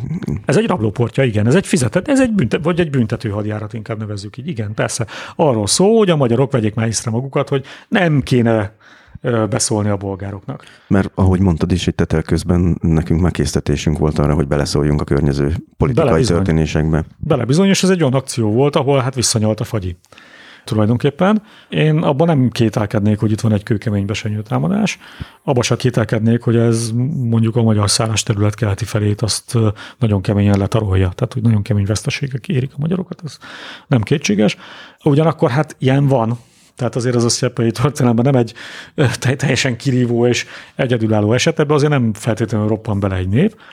Ugye egy ilyen sztyeppei alakulatot marha nehéz megvédeni. Azt csak akkor lehet megvédeni, hogyha hogyha megfelelő rendszerek ezt, ezt biztosítják. Na most, hogyha a magyarok úgy érezték, hogy hát most itt vannak a hátunkban a besenyők, és hát lehet, hogy bármikor a nyakunkra lépnek, hogyha arról van szó, akkor ezt igen-igen potenciális fenyegetésként érezhették. Nem a támadás előtt, hanem a támadás után hogy, hogy ezek, ezek lehet, hogy jövőre is jönnek, vagy két év múlva is jönnek, vagy öt év múlva jönnek, és ezt a nomádok nem nagyon szokták szeretni. És van egy stratégia, egy nomád stratégia erre, az meg úgy néz ki, hogy ugye van a gyepű. A gyepű az egy nagyon széles terület, több napi járóföld, és az arra való, hogy az ellenségnek hosszú időbe teljen átjönni rajta. És ott nyilván a gyepünk kim vannak ebben a gyepű régióban, kim vannak a figyelők, és ha látják, hogy jön az ellenség, akkor lehessen szólni, hogy mindenki fusson, amerre lát, mert jönnek. De ha úgy érzik, hogy az ellenfél az, az túlságosan erős, és nem lehet megoldani ezt a dolgot, akkor a nomád stratégia az, hogy akkor rendben veszük a kalapot, költözünk. Ez nem egy támadás utáni menekülés, hanem egy preventív dolog. Ez a veszteség megelőzése. Tehát a gyepő az egy ilyen pufferzóna, és mondhatnám azt, hogy stratégiailag nem volt elég széles ez a pufferzóna a besenyők és a magyarok között, így egy kicsit arrébb mentek, hogy ez legyen. Igen, igen, tulajdonképpen ezt, ezt fel lehet így fogni, vagy hát egyszerűen azt érezték, hogy a besenyők erősebbek annál, mint hogy ez a, ez a gyepű régió fel tudná őket tartani, vagy, vagy amennyire feltartja őket, az elég legyen ahhoz, hogy megszerveződjön a védelem, vagy valami történjék. A bizánci hagyomány teljesen világosan ezt mondja, hogy a magyarok Visszamentek Etel közben, már ugye elvileg akkor a magyar seregek máshol harcolnak, amikor a besenyő támadás bekövetkezik. Magyar seregek visszamennek, látják a pusztulást, és a vezérek összedugják a fejüket, hogy most mit kéne csinálni. Egyébként most ki, kit bérelt fel, csak hogy rendbe tegyük? A, a bolgárok a besenyőket. A bolgárok a besenyőket, a bizánciak meg a magyarokat, hogy a bolgárok Igen. ellen menjenek? Aha, tehát... tehát először, a, először a bizánciak a magyarokat, akkor a magyarok rámásznak a bolgárokra, jól meg is verik őket, aztán lehet, hogy a bolgárok is megverik a magyarokat. Ez egy kérdés, hogy pontosan hogy is történt. De azért biztos, ami biztos, még a bolgárok felbőlik a besenyőket, hogy elvegyék a magyarok kedvét a további ilyen uh-huh. ötletektől. Na, és akkor tehát a, a, a történet talán úgy rekonstruálható, hogy igen, a magyar vezérek elgondolkodnak, hogy most ez mi a teendő, mit is kéne csinálni. És, és akkor azt gondolják, hogy ez a megoldás, hogy akkor költözünk egyet. Ezt annál is inkább gondolhatták, mert a Kárpát-medencébe akkora már régeség bejártak, szintén kalandozó hadjáratok keretében, tehát pontosan tudták, hogy mi várja őket a Kárpát-medencében, milyen lehetőségek vannak ott, mi az, ahol ők be tudnak menni, hogy valójában van annyi hely, hogy ők oda most simán be tudnak menni, valahogy el tudnak helyezkedni. És akkor elmennek. De a besenyők nem jönnek utánuk. Tehát ott, ott úgy néz ki, hogy a Sztyeppe régió egy akár 20-30 évig is gyakorlatilag lakatlan. A besenyők majd később fognak beköltözni erre a területre, tehát ez, ez a besenyő támadás nem egy szállásszerző támadás, hanem, egy, hanem egyszerűen egy büntető hadjárat. Hát ők jól érzik magukat ott, ahol vannak egyelőre. Igen, ők jól el vannak, aztán kiterjesztik a, a felségterületeket még erre a területre is, meg a régit is megtartják természetesen. Tehát, hogy, hogy ez, egy, ez egy tulajdonképpen egy előre menekülés bizonyos szempontból a magyarok szempontjából. Hm. Én azt javasolnám, hogy most itt álljunk meg egy pillanatra, és mielőtt belépnünk az előre menekülő magyarokkal a Kárpát-medencébe, tegyünk egy kitérőt a te személyes ős történetedre. Ha jól olvastam, te francia szakon kezdtél. Igen. Hogy ez hogy jön, hogy jutottál el e, e, tulajdonképpen a sztyeppei népekig onnan? Hát ez egy régi dolog. Nekem ez a sztyepei török világ, ez mindig nagyon közel állt. Én rengeteget kézműveskedtem. Még 80-as években bejártunk a szovjet kultúraházába, mert ott filére kell meg lehetett venni a közép-ázsiai népeknek a különböző művészeti, népművészeti albumait, amiket gyűjtögettünk rendszeresen. Meg én már akkor nem ezeltem, meg mindenféle ilyesmit csináltam, tehát nekem a szememben nagyon benne volt ez a művészet, és, és én mindig azt éreztem, hogy a, hogy a, a magyar díszítőművészet, a, annak a gondolkodásmódja, a színei, ez a formavilága, az ehhez áll közel. Úgyhogy nekem ez így, így teljesen adva volt, hogy ez a, meg, meg ez a nomád világ, ez nekem mindig valahogy nagyon... Tehát ez egy olyan régi becsípődés volt már tizenévesen, hogy, hogy... Már nagyon korán szerintem, tehát szerintem már nem is tizenévesen. Tehát...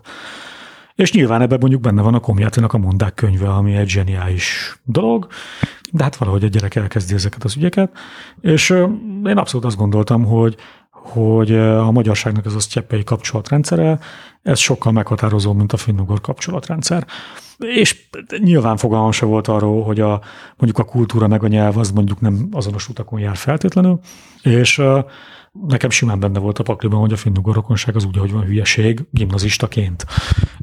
Aztán elmentem a, az egyetemre, a francia szak az egy, az egy véletlen volt, egy kényszer volt tulajdonképpen, és nagyon gyorsan át is mentem a törökre, egyébként oda is véletlenül mentem, tehát ez nem egy tudatos döntés volt, hogy én most az őstörténet miatt addig kalapálok, amíg a török szakra nem kerülök. Az az őstörténet miatt mentem a törökre, de, de valójában egy, egy kósza ötlet volt, hogy mégiscsak belevágok egy ilyen dologba. Tulajdonképpen a, a török nyelvekkel való nagyon intenzív foglalkozás mutatta meg azt, hogy ja, hát a magyar nyelv nagyon nem török nyelv.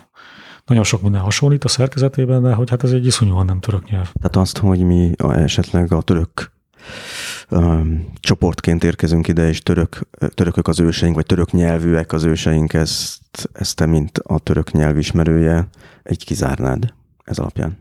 Persze, tehát, hogy a magyar nyelv nem a török nyelv családba tartozik. Igen. Az, a, Mert hogy ilyen, ilyen a finnugor elmélet szemben ilyen elméletek is elkezdtek megerősödni, hogy a is. törökhöz van valami között. De nem. Az a helyzet, hogy a magyar nyelv nagyon nem tartozik be a török nyelvek közé, másfelől viszont a finnugor nyelvek közé meg igen. E, ezt kihozta. Én nem vagyok nyelvész, és nem is szeretek nagyon nyelvészettel foglalkozni, mert nincs igazándiból érzékem hozzá, de az a rengeteg nyelvészet, amit hallgattam, tarak nyelvészet, az pontosan azt dobta ki, hogy akárhogy erőlködnék, nem, nem tudnám beleszuszakolni a magyar nyelvet a török nyelvek rendszerébe. Úgyhogy ez, ez ilyen formán ez így, ez így ott világossá vált. Tehát te a franciáról átnyergeltél a török szakra, Igen. ezek szerint.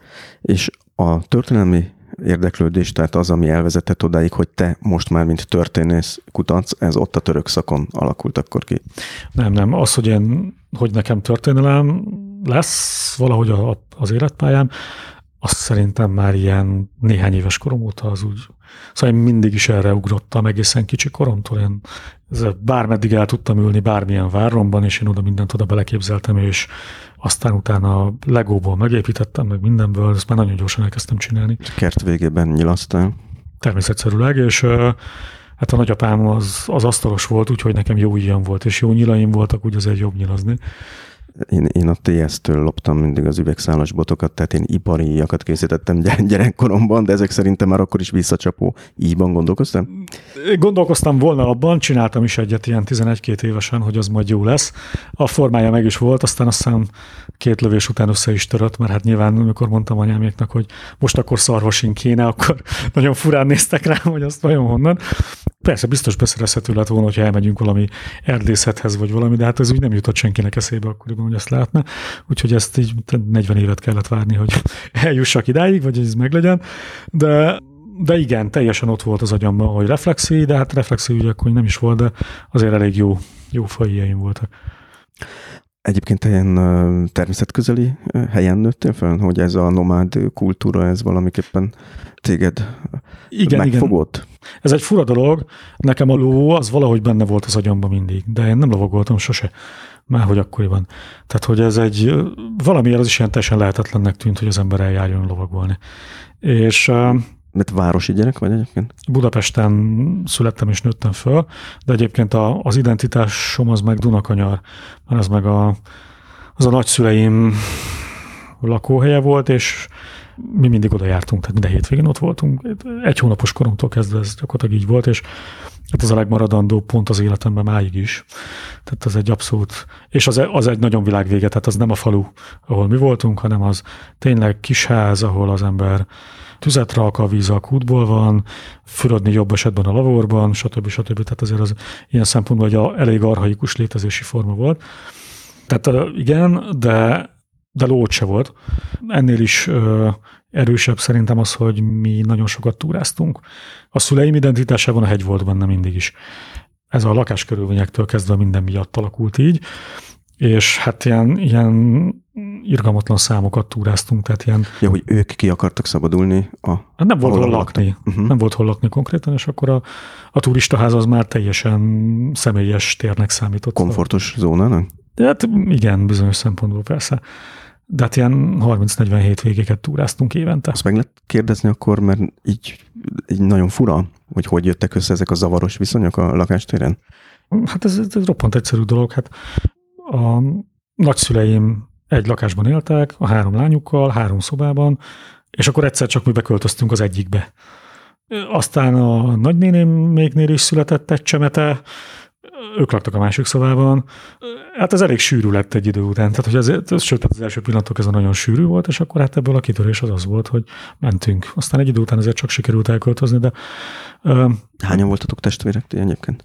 Mi ketten, az öcsém az már az új helyen született, de hát azért, amikor 70 négyzetméteren lakik, tudom én, három és fél család, azért az elég sok. Úgyhogy ők mentek mindig, és akkor én is mentem mindig, és én nagyon is hozzászoktam egyhez. Nekem, nekem most is a, a hegy az egy ilyen nagyon otthonos világ, valójában ott érzem a legjobban magam. Máig is, hogyha bármi van, akkor ki kell menni, csak most kevesebbet érek rá, de, de hogy ez például nagyon sok mindenre megtanított, és nagyon sok mindent megértettem belőle abból, ami egyébként egy teljesen más közegben, de a nomád világban is működik. Tehát ilyen dolgok, hogy ha elindultál, akkor végig kell menni, mert senki le nem fog szedni onnan téged. Tehát azt akkor meg kell csinálni, meg lehet fagyni, meg rommá lehet ázni, meg minden baja lehet az embernek, akkor is végig kell csinálni, tehát nincs olyan, hogy nem csinálod végig. Vagy hogy ha elmész sok napra, akkor viszed a cuccodat, és ha rosszul pakoltál össze, akkor valamit hiányozni fog. Ha másképp pakoltál össze rosszul, akkor bele pusztulsz abba, hogy cipeled a fölösleges cuccot, aminek semmi értelme nem volt. Tehát nagyon praktikusnak kell lenni, nagyon jó felszerelésednek kell lenni, csak annak kell meglenni, hogy bizony-bizony a vagyon az nem, tehát a, úgy a vagyont, hogy a, az érték az nem az, ami drága, hanem az, ami jó. Meg az érték az, amit van és kell. Amit van és semmire nem kell, az nem érték. Az teher. Tehát, hogy ezeket az ember nagyon-nagyon jól meg tudja tanulni. Meg azt, hogy, hogy erőfeszítést kell tenni kegyetlenül. Tehát az, az ember megy, akkor az erőfeszítés. Úgyhogy ez engem nagyon sok mindenre megtanított a, a hegy. Úgyhogy ezért én nagyon-nagyon hálás vagyok, és hát az egy nomád dolog, tehát ezért az ember elmegy sátrozni, az, az ugyanúgy nomád, csak, csak másképp, más, más körülmények között, de, de egy csomó hasonlóság van egyébként. És ha jól tudom, az életrajzodban szerepel, aztán a ló is bejött. Bejött a ló, igen, igen, az nagyon sokára jött be.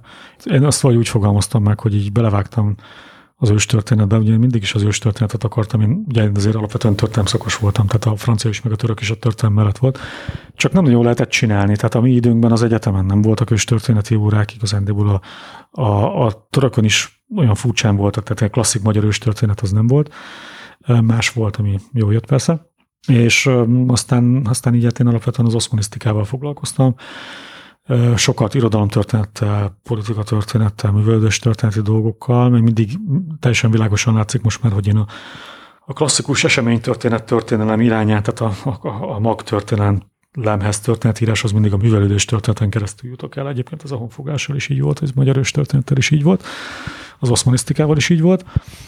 De mindig gyűltek ezek az őstörténeti anyagok, ezeket aztán elkezdtem megírni, csak ezek olyan dolgok, amik, amiket egy normális történész nem vesz észre, tehát mindig a fejemhez vágják, hogy én soha nem is írtam semmit, nem a fenét nem írtam, csak nem, nem veszik észre, mert mondjuk az zene történetként van.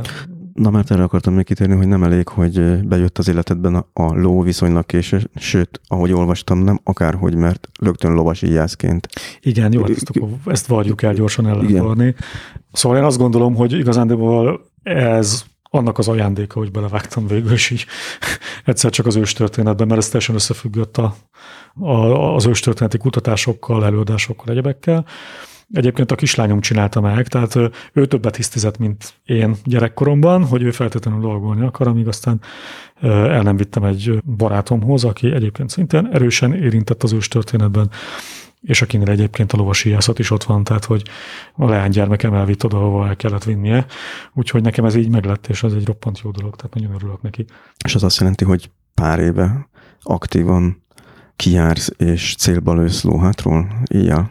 Hát ez egy furcsa dolog azért.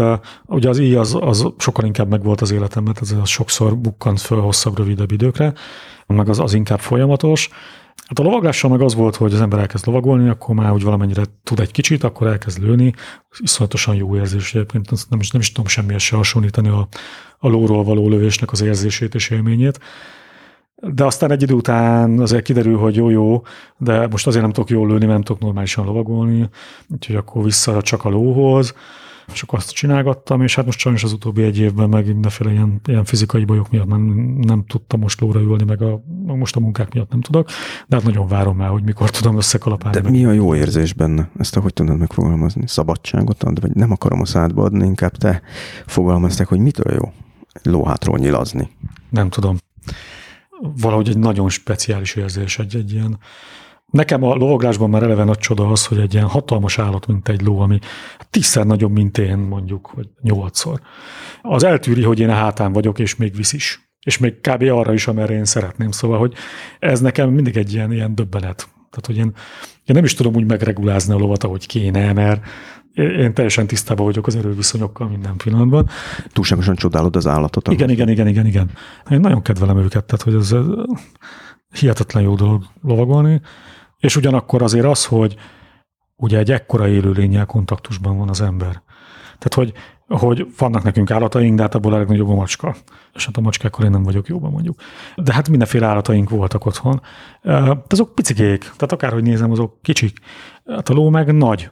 Tehát, hogy, hogy ilyen, ilyen, ilyen nagyon egyszerű dolgok, hogyha az ember télen lovagol, akkor fel annyira se fázik, mert hiszen a ló gőzöl fölfele, és meleg.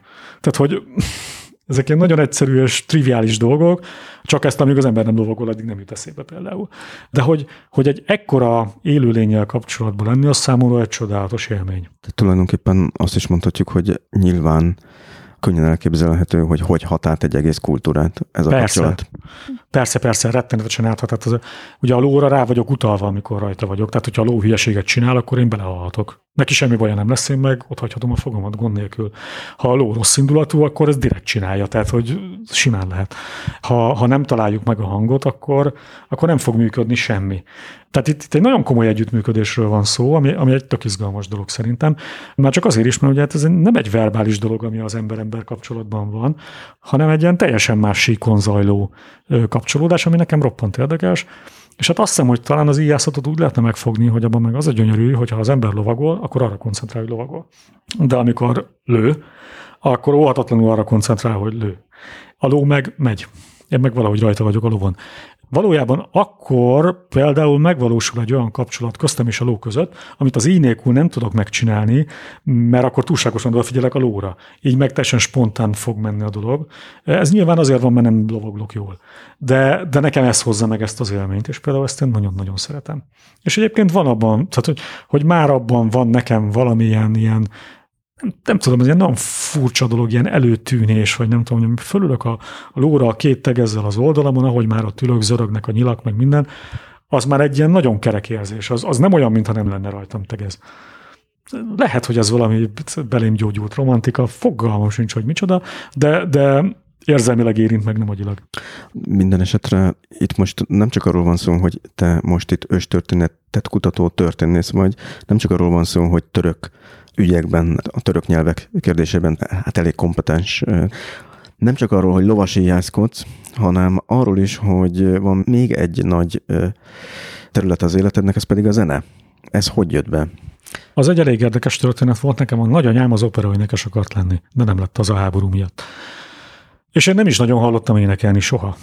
De valahogy a családban ez benne volt. Senki nem is énekelt nálunk a családban, szóval semmilyen zenei tevékenység nem zajlott a lakás falain belül. Nagyon minőségi zenéket hallgattunk. Tehát apám iszonyatosan válogatott abba, hogy milyen zenét hallgatunk. Mondjuk én félig pendereckin nőttem föl, nem sokan csinálták, azt hiszem, meg ilyenek. Meg népzenén, tehát az első perctől kezdve a, a magyar és a nem magyar népzenék azok ott voltak természetszerűleg, és teljesen váratlanul költözött be nagyon későn az életemben a zene. Én voltam az, akinek az iskolában azt mondták, hogy jó, tanuld meg a zeneszerző életrajzát, de ne próbálj énekelni. Tehát, hogy ez mondjuk egy rossz szindítás volt.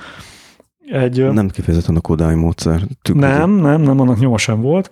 Éppen egy táborban voltam, én kézműveskedtem sokat, egy kézműves táborban mentem el, még Zánkán voltak ilyen óriási kézműves táborok, azok nem úttörő táborok voltak, hanem kimondottan kézműves táborok, és ez egy honfoglaló tábor volt éppen, amiben voltam, 84-5 körül. Éppen jurtát építettetek, vagy íjat készítettetek? Jurtát építettünk, Magyarországon szerintem ott rakták össze az utóbbi időben az első jurtát. Fogalma nem volt senkinek, hogy hogy kell jurtát építeni. Cinege Lajos elvtárs, aki a hadügyminiszter volt, egy mongol kartással berugott, és azt mondta, hogy szép ez a jurta, és Ferihegyen a repülőgyomrában találta a jurtát összecsomagolva. De a mongolok elcsomagolták neki. Elcsomagolták neki, és ezt ő meg nem tudván mit kezdeni vele, odaadta Zánkának, Zánka se tudva mit kezdeni, és amikor jött ez a tábor, akkor oda rakták, hogy tessék, kezdjetek vele valamit, most végül is ezért vagytok itt. Na és akkor én úgy gondoltam, hogy akkor én most így nagyon fel fogok készülni ebből az egész honfoglásból, tehát ott mindenki vart magának ruhát, meg fegyver, meg így, meg minden volt. És valamiért nekem bekattant, hogy na de hát az énekmondás. Tehát, hogy ez, ez nagyon hozzátartozik a szóbeliség és a zene meg az ének, hogy semmi közöm nem volt az egészhez.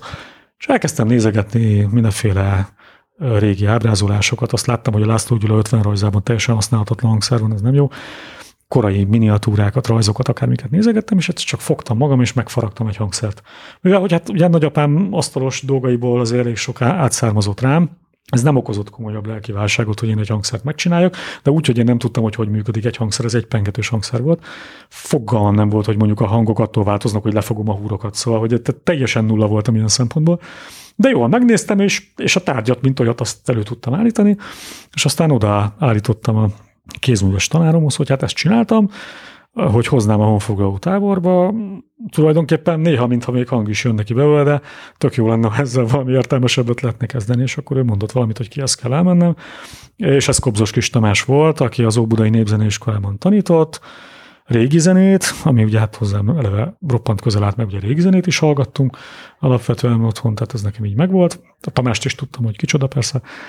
És akkor én beállítottam hozzá, aki aki azonnal nagyon nagy szeretettel fogadott, azonnal elkezdett segíteni, mondta, hogy mit, hogy javítsak, hogy ne javítsak, hogy mit csináljunk vele, mi legyen, és akkor tudom én két-három hónap után azt mondta, hogy na jó, jó, ez a hangszer ez ennyit tud, de hát ha már ennyit jársz ide, akkor nem akarsz-e kobzos lenni. És én hát annyira lelkes voltam, hogy nyilván kapásból azt mondtam, hogy de, miért ne? Aztán így hazállítottam egy kobozzal, és így mindenki nagyon csodálkozott, hogy ezt én komolyan gondoltam, hogy én itt most zenélni fogok. De onnantól én hónapokig gyakorlatilag lesetettem azt a hangszert. Tehát ott valami nagyon megint, megint összetalált. Szomszédok örültek ennek. A koboz nem olyan hangos hangszer, tehát hogy azzal azért úgy ezt meg lehetett oldani. És akkor én belecsöppentem ebbe a világba, ugye a Tamásnál, ez, ez szellemi értelemben is egy nagyon komoly világ volt, tehát itt a, akár a népzene elmélet, akár a régi zene elmélet. Úgy láttam, hogy azért ez egy elég komoly szintre jutott az életedben, tehát ez nem maradt meg egy ilyen kis hobbinak. Nem, nem benne maradtam, és valahogy mindig lettek feladatok, meg nyilván hát fejlődtem is, és aztán hát azért nekem lett egy saját profilom ezzel a török dologgal, tehát én, én azért nagyon beleálltam a török népzenébe is, meg a török klasszikus zenébe is. Elég komoly hobbi lett belőle. Néhány barátommal létrehoztunk egy olyan együttest, ami csak kimondottan török klasszikus zenét játszik, kimondottan egyébként az ilyen, ilyen misztikus, meditatív zenék irányába mentünk el, mindannyiunkban benne volt ez az indítatás, és nagyon szeretjük csinálni magunknak. Az nagyon rendben van, hogy én nem a színpadon töltöm az életemet, régen azért nagyon sokat, most már sokkal kevesebbet, de a zenének az öröme az, az továbbra is megvan, és az, az nagyon sokat segít. Egyébként a francia szakban nagyon benne volt, hogy én tudtam provanszálul énekelni már addigra, az meg a francia tanszéken volt tanulható. Tehát, hogy én azért úgy mentem, hogy ha már franciára megyek, akkor majd én ott provanszált fogok tanulni. Amilyen nagyon, tehát nagyon csodálkoztak rajta, hogy ezt én hogy gondoltam, de... Egyébként ez a nyelv tehetség, mert most itt már kezdem összeszámolni, hogy hány nyelvről van szó, de kezdem elveszteni a vonalat. Ez, ez egy családból jött? Én nagyon nehezen tanulok nyelvet, nekem nincsen tehetségem a nyelvek, ez, az egy kínlódás tényleg az egy vérizadás, amíg én egy nyelvet megtanulok, és nem is tudok jó nyelveken. Engem a, a nyelv nem érdekel. Rájöttem az a probléma, hogy azt tud jó nyelvet tanulni, akit érdekel a nyelv, de engem elképesztően nem érdekel a nyelv. Még azt sem érdekel, hogy emberekkel nyelveken beszélgessek, én használni akarom a nyelvet. Vagy el akarom olvasni, amit el kell olvasni. És azt meg is tudom csinálni egy pár nyelven, nem olyan sokkal egyébként. Ezt egyik messze francia, magyar, török, provanszál, ezek szerint. Hát a provanszál az elhullott az idők során. Elhullott az idők során, ha jól emlékszem. Hát egyszer... Hát orosz, nyilvánvalóan orosz. orosz azt sokat tanultunk, az is nagyon megkapott, de érdekes módon most azért kiderül, hogy mennyit tanultunk mi abból, és hogy az milyen erejű dolog volt. Meg hát perzsa. Perzsa. Az a török szak után jött be? Nem, az a török szakon jött be. A török szakon kellett arabul és perzsául tanulni mindenkinek. Hát az arab az iszonyatosan nehéz, tehát azt, azt arról nagyon gyorsan eldőlt, hogy én ebben nem fogok ennyi energiát tenni, ami, amennyi érdemleges. A perzsa meg olyan volt, ami, hát ez egy gyönyörű nyelv. Az közel áll hozzám például, mert nagyon kicsi a nyelvtana, nagyon sok asszociáció kell bele, egy asszociatív nyelv és az nekem például könnyebben működik valahogy. De perzsául is csak olvasok. Inkább történészként vagyok erősebb, meg filológusként, tehát ugye a filológus az, aki a szöveggel dolgozik. Ha ráakadok egy szövegre, akkor hajlamos vagyok annyi ideig csinálni, amíg az úgy valahogy rendben nem lesz. Tehát, hogy a nyelvi kompetenciát, vagy, vagy tehetséget, azt inkább ilyen fajta valamiféle szorgalommal, vagy inkább ilyen, addig nem engedem a csontot, amíg ki nem, vagy össze nem áll a dolog. Tehát tanulod, amíg meg nem érted azt a szöveget, amit meg akarsz érteni. Igen, igen, igen. Az a baj persze, tehát vagy az, nem is a baj, tehát ez, ez jó, ez gyönyörű, hogy azért ezeknél a nyelveknél nem, nem is feltétlenül a nyelv, meg a nyelvtan az, ami a, a döntő, hanem a kultúra. Tehát, hogy egy csomó esetben nem a nyelvet kell tudni, hanem a kultúrát kell tudni ahhoz, hogy a nyelvet megértsem, de az viszont nagyon izgat. Tehát amikor elmond egy szót, vagy egy szókapcsolatot, vagy egy mondatot, akkor ő az, amit akar mondani. Nagyon mások a gondolati pályák, ahogy megfogalmaznak egy tartalmat. Ez, ez egy nagyon nehéz dolog, ezt, ennek az átlépése számomra pláne, viszont nagyon izgalmas, ami kibomlik ebből belőle az egyes népeknek a gondolkodásmódjáról. Ez egy roppant izgalmas játék.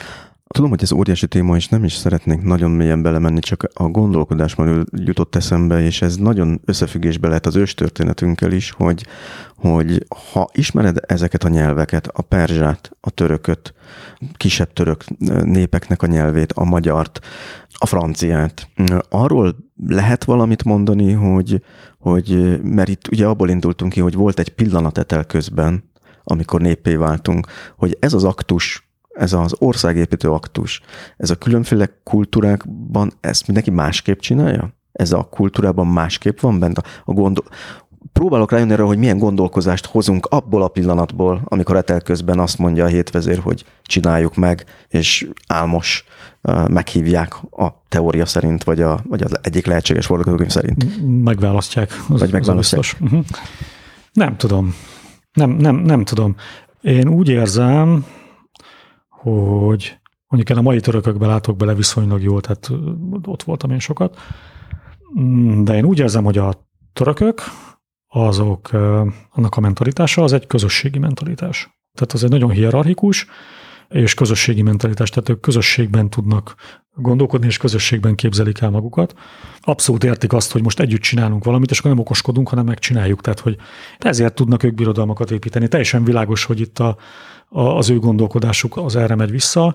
Hogy ez a nyelvvel mennyire függ össze, azt nem tudom. A török nyelv is egy nagyon gazdag nyelv, de nagyon építkezős nyelv, tehát hogy egyébként ilyen szempontból sokban hasonlít a magyarra.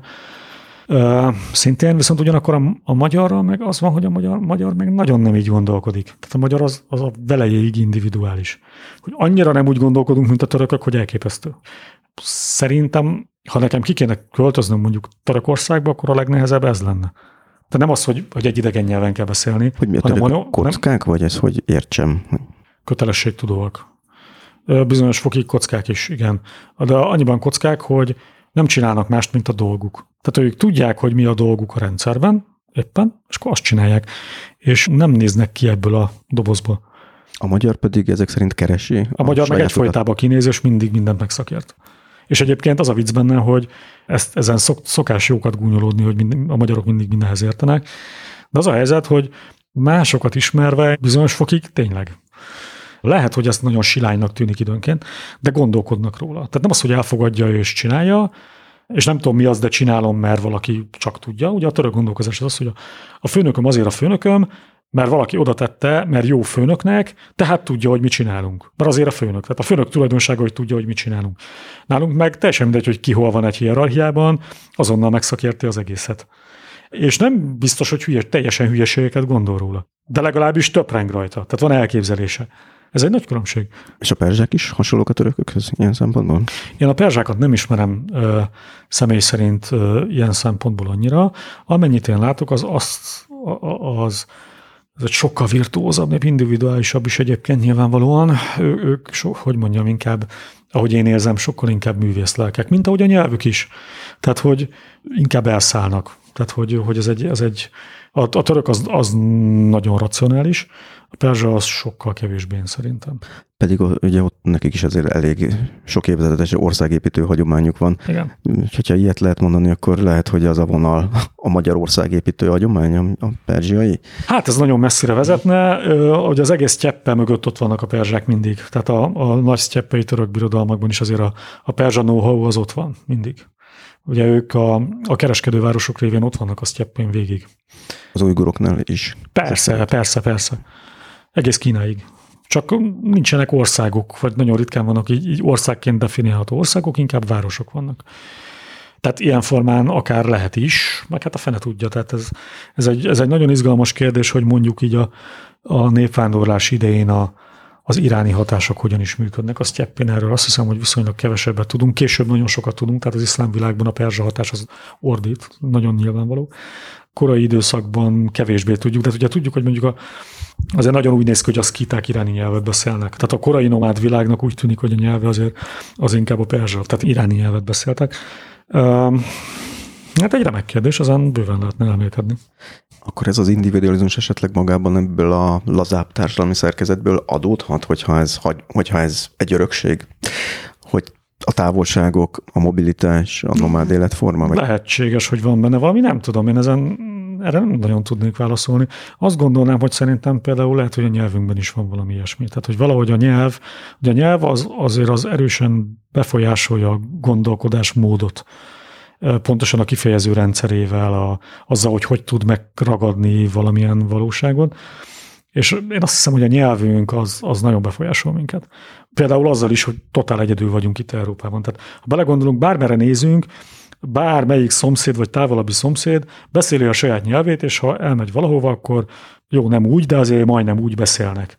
Tehát egy szláv elmegy, akármelyik szláv országba elmegy, akkor az majdnem az, kicsit más.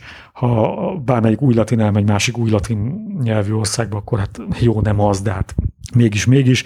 Ahogy az angol és a német, vagy a norvég között is mennyi kapcsolat van, tehát ezek, tehát nem, nincs az az idegenségérzés, nekünk meg minden totál különbözik. Ez az egyedülségérzet lehet egyébként annak is az oka, hogy nekünk ennyire baromira fontos az őstörténet, és ennyire identitás, hogy véremenő viták vannak, vagy ez vagy ez valami másnak az oka?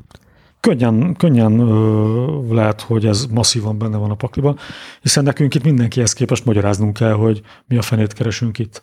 Tehát, hogy azért tényleg rokontalan ez a nyelv és ez a hát ez a nép ilyen formán, akik mi vagyunk. Ezt, ezt rajtunk kívül itt nem nagyon éli meg senki. Lehet, hogy a baszkok meg az albánok talán igen. De más olyan nagyon nem találkozik ezzel az életérzéssel. Tehát ez simán lehet, hogy befolyásolja ezt a, ezt a gondolkodásmódot. Ennek az egyedülségnek nincsen egyébként egy ilyen kreatív következménye. Oké, okay, hogy megszakértünk mindent, de egy csomó esetben tényleg van róla eredeti gondolatunk, hogy ezt hogy kéne csinálni.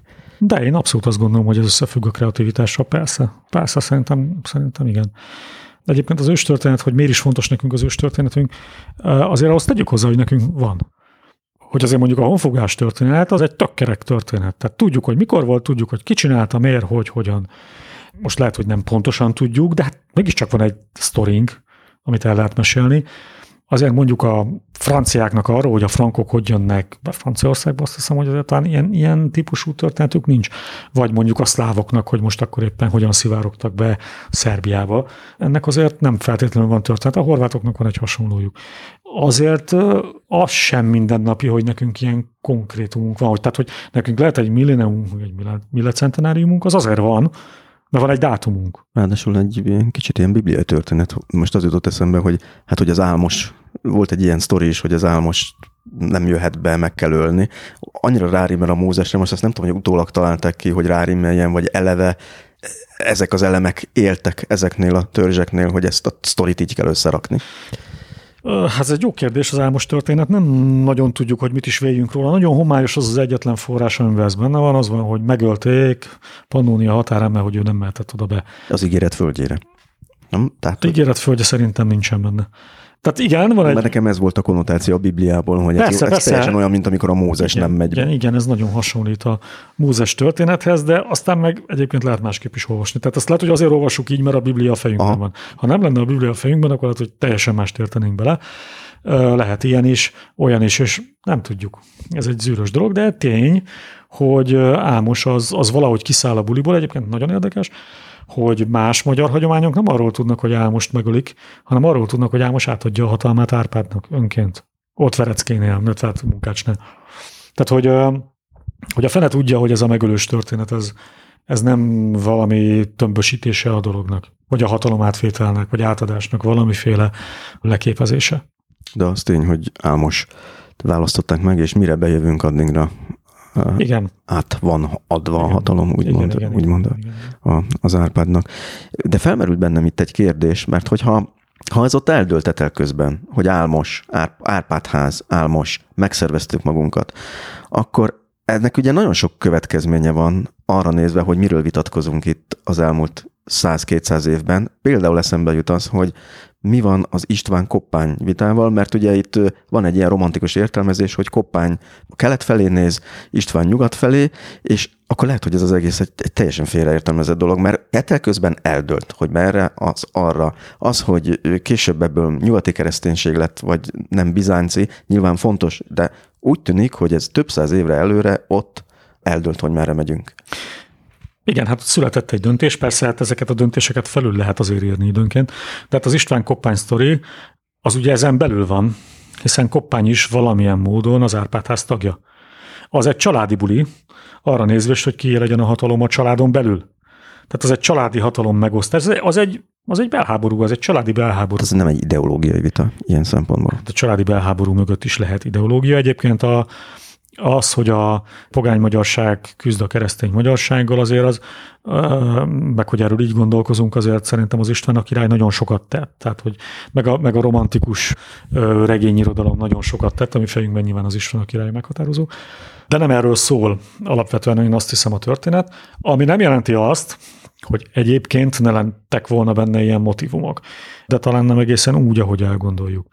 Én azt hiszem, hogy azt kellene itt nagyon mérlegre tenni, hogy nagyon úgy néz ki, hogy az Árpádok, tehát a dinasztia közvetlen hatalma az Adunántúlon van. Koppány is a Dunántúlon van. Ugye az Árpádházi centrumok is ott vannak, Fehérvár, Esztergom, azok is a Dunánt, a Veszprém, azok a Dunántúlon vannak szintén. Na most a Dunántúlról meg azt kell tudni, hogy hát annak a minimum a nyugati fele, az a Karoling birodalomnak volt a része, tehát a frank birodalomnak, ami viszont hát mégiscsak a Nyugat-Európa legfejlettebb állama. És ezt a nyugati tartományt is ők gőzerővel elkezdték megszervezni. Ott már egy... Mielőtt megérkeztünk volna. Tehát persze majdnem egy évszázadon keresztül az a frank birodalomhoz tartozik, az avarok bukása után, és ott ők gőzerővel építik ki a frank adminisztrációt, az egyház szervezetet, az adóztatást. Tehát ott egy, ott egy fejlett társadalmi struktúra van. Egyébként Morvországban is egy, egy ilyesmi kezd el kiépülni. Tehát azt lehet mondani, hogy az Árpádok tulajdonképpen a Kárpát-medence legfejlettebb, és nyilván ilyen formán aztán a legtöbbet adózó, meg leggazdagabb területeit, területeire tették rá a kezüket. És én mondjuk nem gondolnám azt, hogy a, a frank nemesség az fogta magát, és tokkal vonóval mindenestől elmenekült az országból. Lehet, hogy nyilván voltak ilyenek, akik elmenekültek, de senki nem mondja azt, vagy, vagy nem kéne azt gondolni, hogy mindenki elment volna. A morvákról meg tudjuk, hogy nem mentek sehova, hát egész Morvaországot elfoglalták a magyarok, ugye nem csak a mai Szlovákiára eső részét, hanem a mai Morvaországi, tehát Csehországi részét is elfoglalták a magyarok, az magyar kézben volt. Morva elit miért ment volna el? Nem ment el, tudjuk, hogy nem ment el, hanem betagozódott a magyar rendszerbe. Elképzelhető, hogy az István Koppány buli mögött egy olyan megfontolás van, hogy István inkább az itt helyben talált és szövetségesített és beépített ex-karolingokra támaszkodott. Ez a német lovagok behívásának a hagyománya, igaz? Ez a német lovagok behívásának a hagyománya, ugye azon is érdemes volna elgondolkozni, hogy ezek a német lovagok tök véletlenül kóboroltak erre. És nem véletlenül arról van szó, hogy a papának viszont, vagy a nagypapának itt voltak a birtokai. Uh-huh. Tehát, hogy itt sokkal szorosabb szálak is lehetnek. Én azt gondolnám, hogy a német lovagok miatt a, a hajdani frank elit van. Sok szempontból. És ez Istvánnak a, inkább volt Istvánnak a hatalmi bázisa, mint Koppány. igen, talán. Talán, de tudja a fene. Tehát, hogy, hogy itt azért nagyon sok minden játszik ebben a kérdésben. Valójában az a baj, hogy a, azt, hogy a tizedik században valójában hogy is nézett ki belülről a Kárpát-medence, azt nem igazán látjuk jól, és nagyon félre is ment a kutatás ilyen szempontból. Azt hiszem, hogy ez, ezt sok szempontból a nyelvészet okozta. Ugye az az alapvető probléma, hogy a magyarok miért beszélnek ma magyarul. Ha egy kis létszámú honfoglaló társaság érkezik meg a Kárpát-medencébe, ahol nagy létszámú helyben lakó van, akkor elég törvényszerűen el kellene veszteniük a nyelvüket. Általában, hogyha egy fejletlenebb struktúrájú nép, egy fejlettebb struktúrájú népre telepszik rá, tehát mint ahogy mi a frankokra, pontosabban a frank alatt bárkik is legyenek azok, akkor szintén a, a hódító el szokta volt veszteni a nyelvét. Erre vannak példák egyébként, hogy ez Rengeteg példa van, csak ilyen példák vannak. Tehát gondoljunk bele, hogy a derék vikingek létrehozzák a kievi rúszt.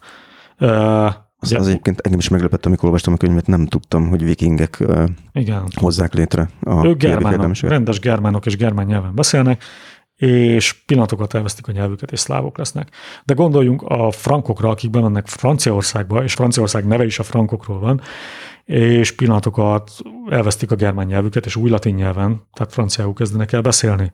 De ugyanez van a longobárdokkal, Lombardiában, mindenkivel ez történik. Ezek szerint a, ott nem sok köze van a gal hagyományhoz Franciaországnak, hogy dehogy nincs, ott van, ott van az őslakosság, aki akár galnak is tekinteti magát. Na de az országot azt nem ők csinálják meg, azt a frankok csinálják meg, akik germánok. És azt, hogy, hogy a gallok játszanak egyáltalán ebben a történetben, azt majd a francia forradalom ideológiája hozza. Az... Ők, ők lecserélik a frank hagyományt arra, van, hogy mi mégis van. inkább gallok így voltunk. Van. Mert az... Persze, az arisztokratikus hagyományt lecserélik egy népi hagyományra az új ideológia jegyében. És ebből jön, hogy a világi államnak nagyon jól jött, hogy van egy Asterix képregény is, mert ez, egy, ez a nemzetépítés része volt. Hát ez Már... fordítva van. Tehát a, a, pontosan azért, mert áthelyezik a hangsúlyt, ezért lesz Asterix képregény. Uh-huh. Uh-huh. De hogy ez egy viszonylag új dolog, hogy, hogy ők gallok voltak, és nem frankok, akik germánok. Persze, uh-huh. persze, hogy ne, hát ők az egész középkorban, meg koraújkorban ők, ők abszolút frankok voltak, eszükbe se jutott mást mondani.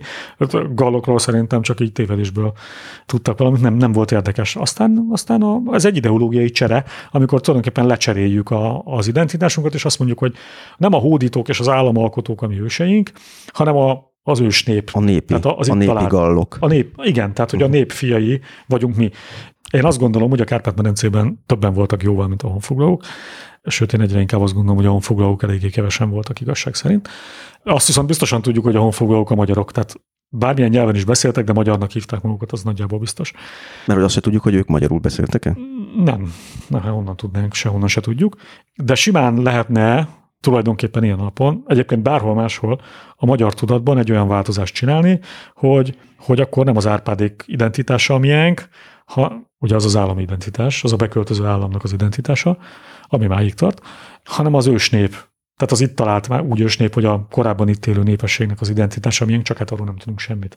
Úgyhogy ez nem nagyon fenyeget minket. De például roppant érdekes, hogy, hogy ugyanezt az identitásváltást visszafele most, most láthatjuk Ukrajnában ahol ugye Oroszország, a nyácska és a nagy szláv tömeg, és Ukrajna most gőzerővel dolgozik azon, hogy dehogy is mi a vikingek vagyunk. Aha, tehát a kievi fejedelemség viking hagyományait próbálják újjájeszteni, hogy az orosz-szláv hagyománytól egy eltérő hagyomány. Igen. Uh-huh. Igen. Akik később ezek szerint elszlávosodtak. Igen. A lényeg az, hogy azt kimondhatjuk, hogy nem tudjuk azt, hogy az beszélt magyarul, aki itt volt, vagy az beszélt magyarul, aki bejött, ilyen, ilyen szinten nem tudunk semmit. Igen, gyakorlatilag azt lehet mondani, hogy semmilyen szinten nem tudunk semmit. Szinte, szinte biztosan ezt lehet mondani. Az, hogy azt gondoljuk, hogy Árpád és honfoglalói magyarok voltak és magyarul beszéltek, az egy tipikus 19. századi nemzetállami, ilyen nagyon, nagyon korai nemzetállami gondolkodás, ami azt mondja, hogy egy nép, egy kultúra, egy nyelv, vérség, vérségi kapcsolat, vagy, vagy szóval ilyen, ilyen ősi kapcsolat.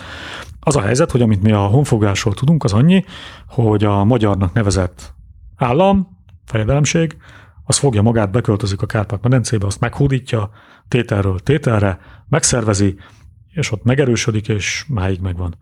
Tehát valójában, amit biztosan tudunk, az az, hogy ott egy állam foglal hont, és ennek az államnak a, a neve az, az úgy tűnik, hogy a magyar. És ez az elit fogja majd megcsinálni, tehát az a honfoglaló elit fogja megcsinálni a Kárpát-medencei Magyarországot. Tehát ez, ez eddig stimmel. Nem tudjuk, hogy milyen arányban vannak az itt találtak és a bejövők. Erre nagyon különböző elméletek születtek, de hát valójában az egész találgatás. Tehát azt se tudjuk, hogy hányan jöttünk be. De hogy hát onnan tudnánk. Semmit sem tudunk. Miért nem tudunk semmit egyébként? Mert nincs honnan tudni. Igazándiból ezt, ezt, ezt nem lehessen tudni.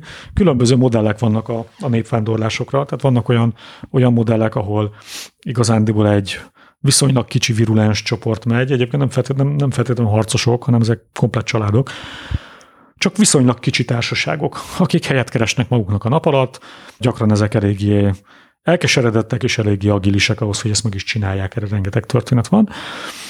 Ha találnak egy gyöngébb struktúrát, akkor azt azonnal maguk alá törik, és, és akkor lesz egy országuk. Tehát nagyon sok ilyen történet van, de van olyan történet is, ahol aztán meg nagyon komoly tömegek mozdulnak meg. Tehát ezt, ezt, ezt nem tudjuk, egyszerűen nem tudjuk. A, az eléggé egyértelmű, hogy a Kárpátokon kívüli honfoglalókhoz köthető temetők azok picik. Abban jellemzően a harcosok meg a feleségeik vannak benne, úgy, ahogy a Kárpát-medencében is fegyverrel, aranyozott cuccokkal, ezzel, azzal, a lóval eltemetve, de nincsenek sokan. Ez teljesen párhuzamos azzal, amilyen klasszikus leletekkel bíró honfoglaló temetők vannak a Kárpát-medencében, azok is picik végig. És akkor aztán vannak nagy köznépi, vagy nagyobb köznépi temetőink Kárpát-medencében, sok száz, meg sok ezer sírral adott esetben, azokban meg nem nagyon vannak leletek. És akkor még arról nem is beszéltünk, hogy egy lelet alapján tudjuk-e, hogy ki van a sírban, mert szerintem még azért az is egy jókora kérdés. De azért, azért a Kárpát-medence történetét látva semmi okom azt gondolni, hogy a Kárpát-medence mondjuk üres lett volna, vagy kvázi üres lett volna. Tehát azért ennek a nyugati felén egy nagyon komolyan működő, nagyon jó felépített, megszervezett frank birodalom van, templomhálózattal, adórendszerrel, mindennel, az nem tűnik el, hát miért tűnne el? Az avar birodalom az ugyan megrodjan a 800-as évek legelején, el is tűnik, mint birodalom, de a tömege, tehát a népessége az vajon miért tűnne el? A, a Kárpát-medence peremzónájában élő szlávok köszöntök szépen egyáltalán nem tűnnek el, miért tűnnének el szintén, bejebb költöznek talán a Kárpát-medencébe valamennyire. Tehát nagyon úgy tűnik, hogy akár merről nézem a dolgot, a Kárpát-medencében azért egy nagyon komoly népesség él.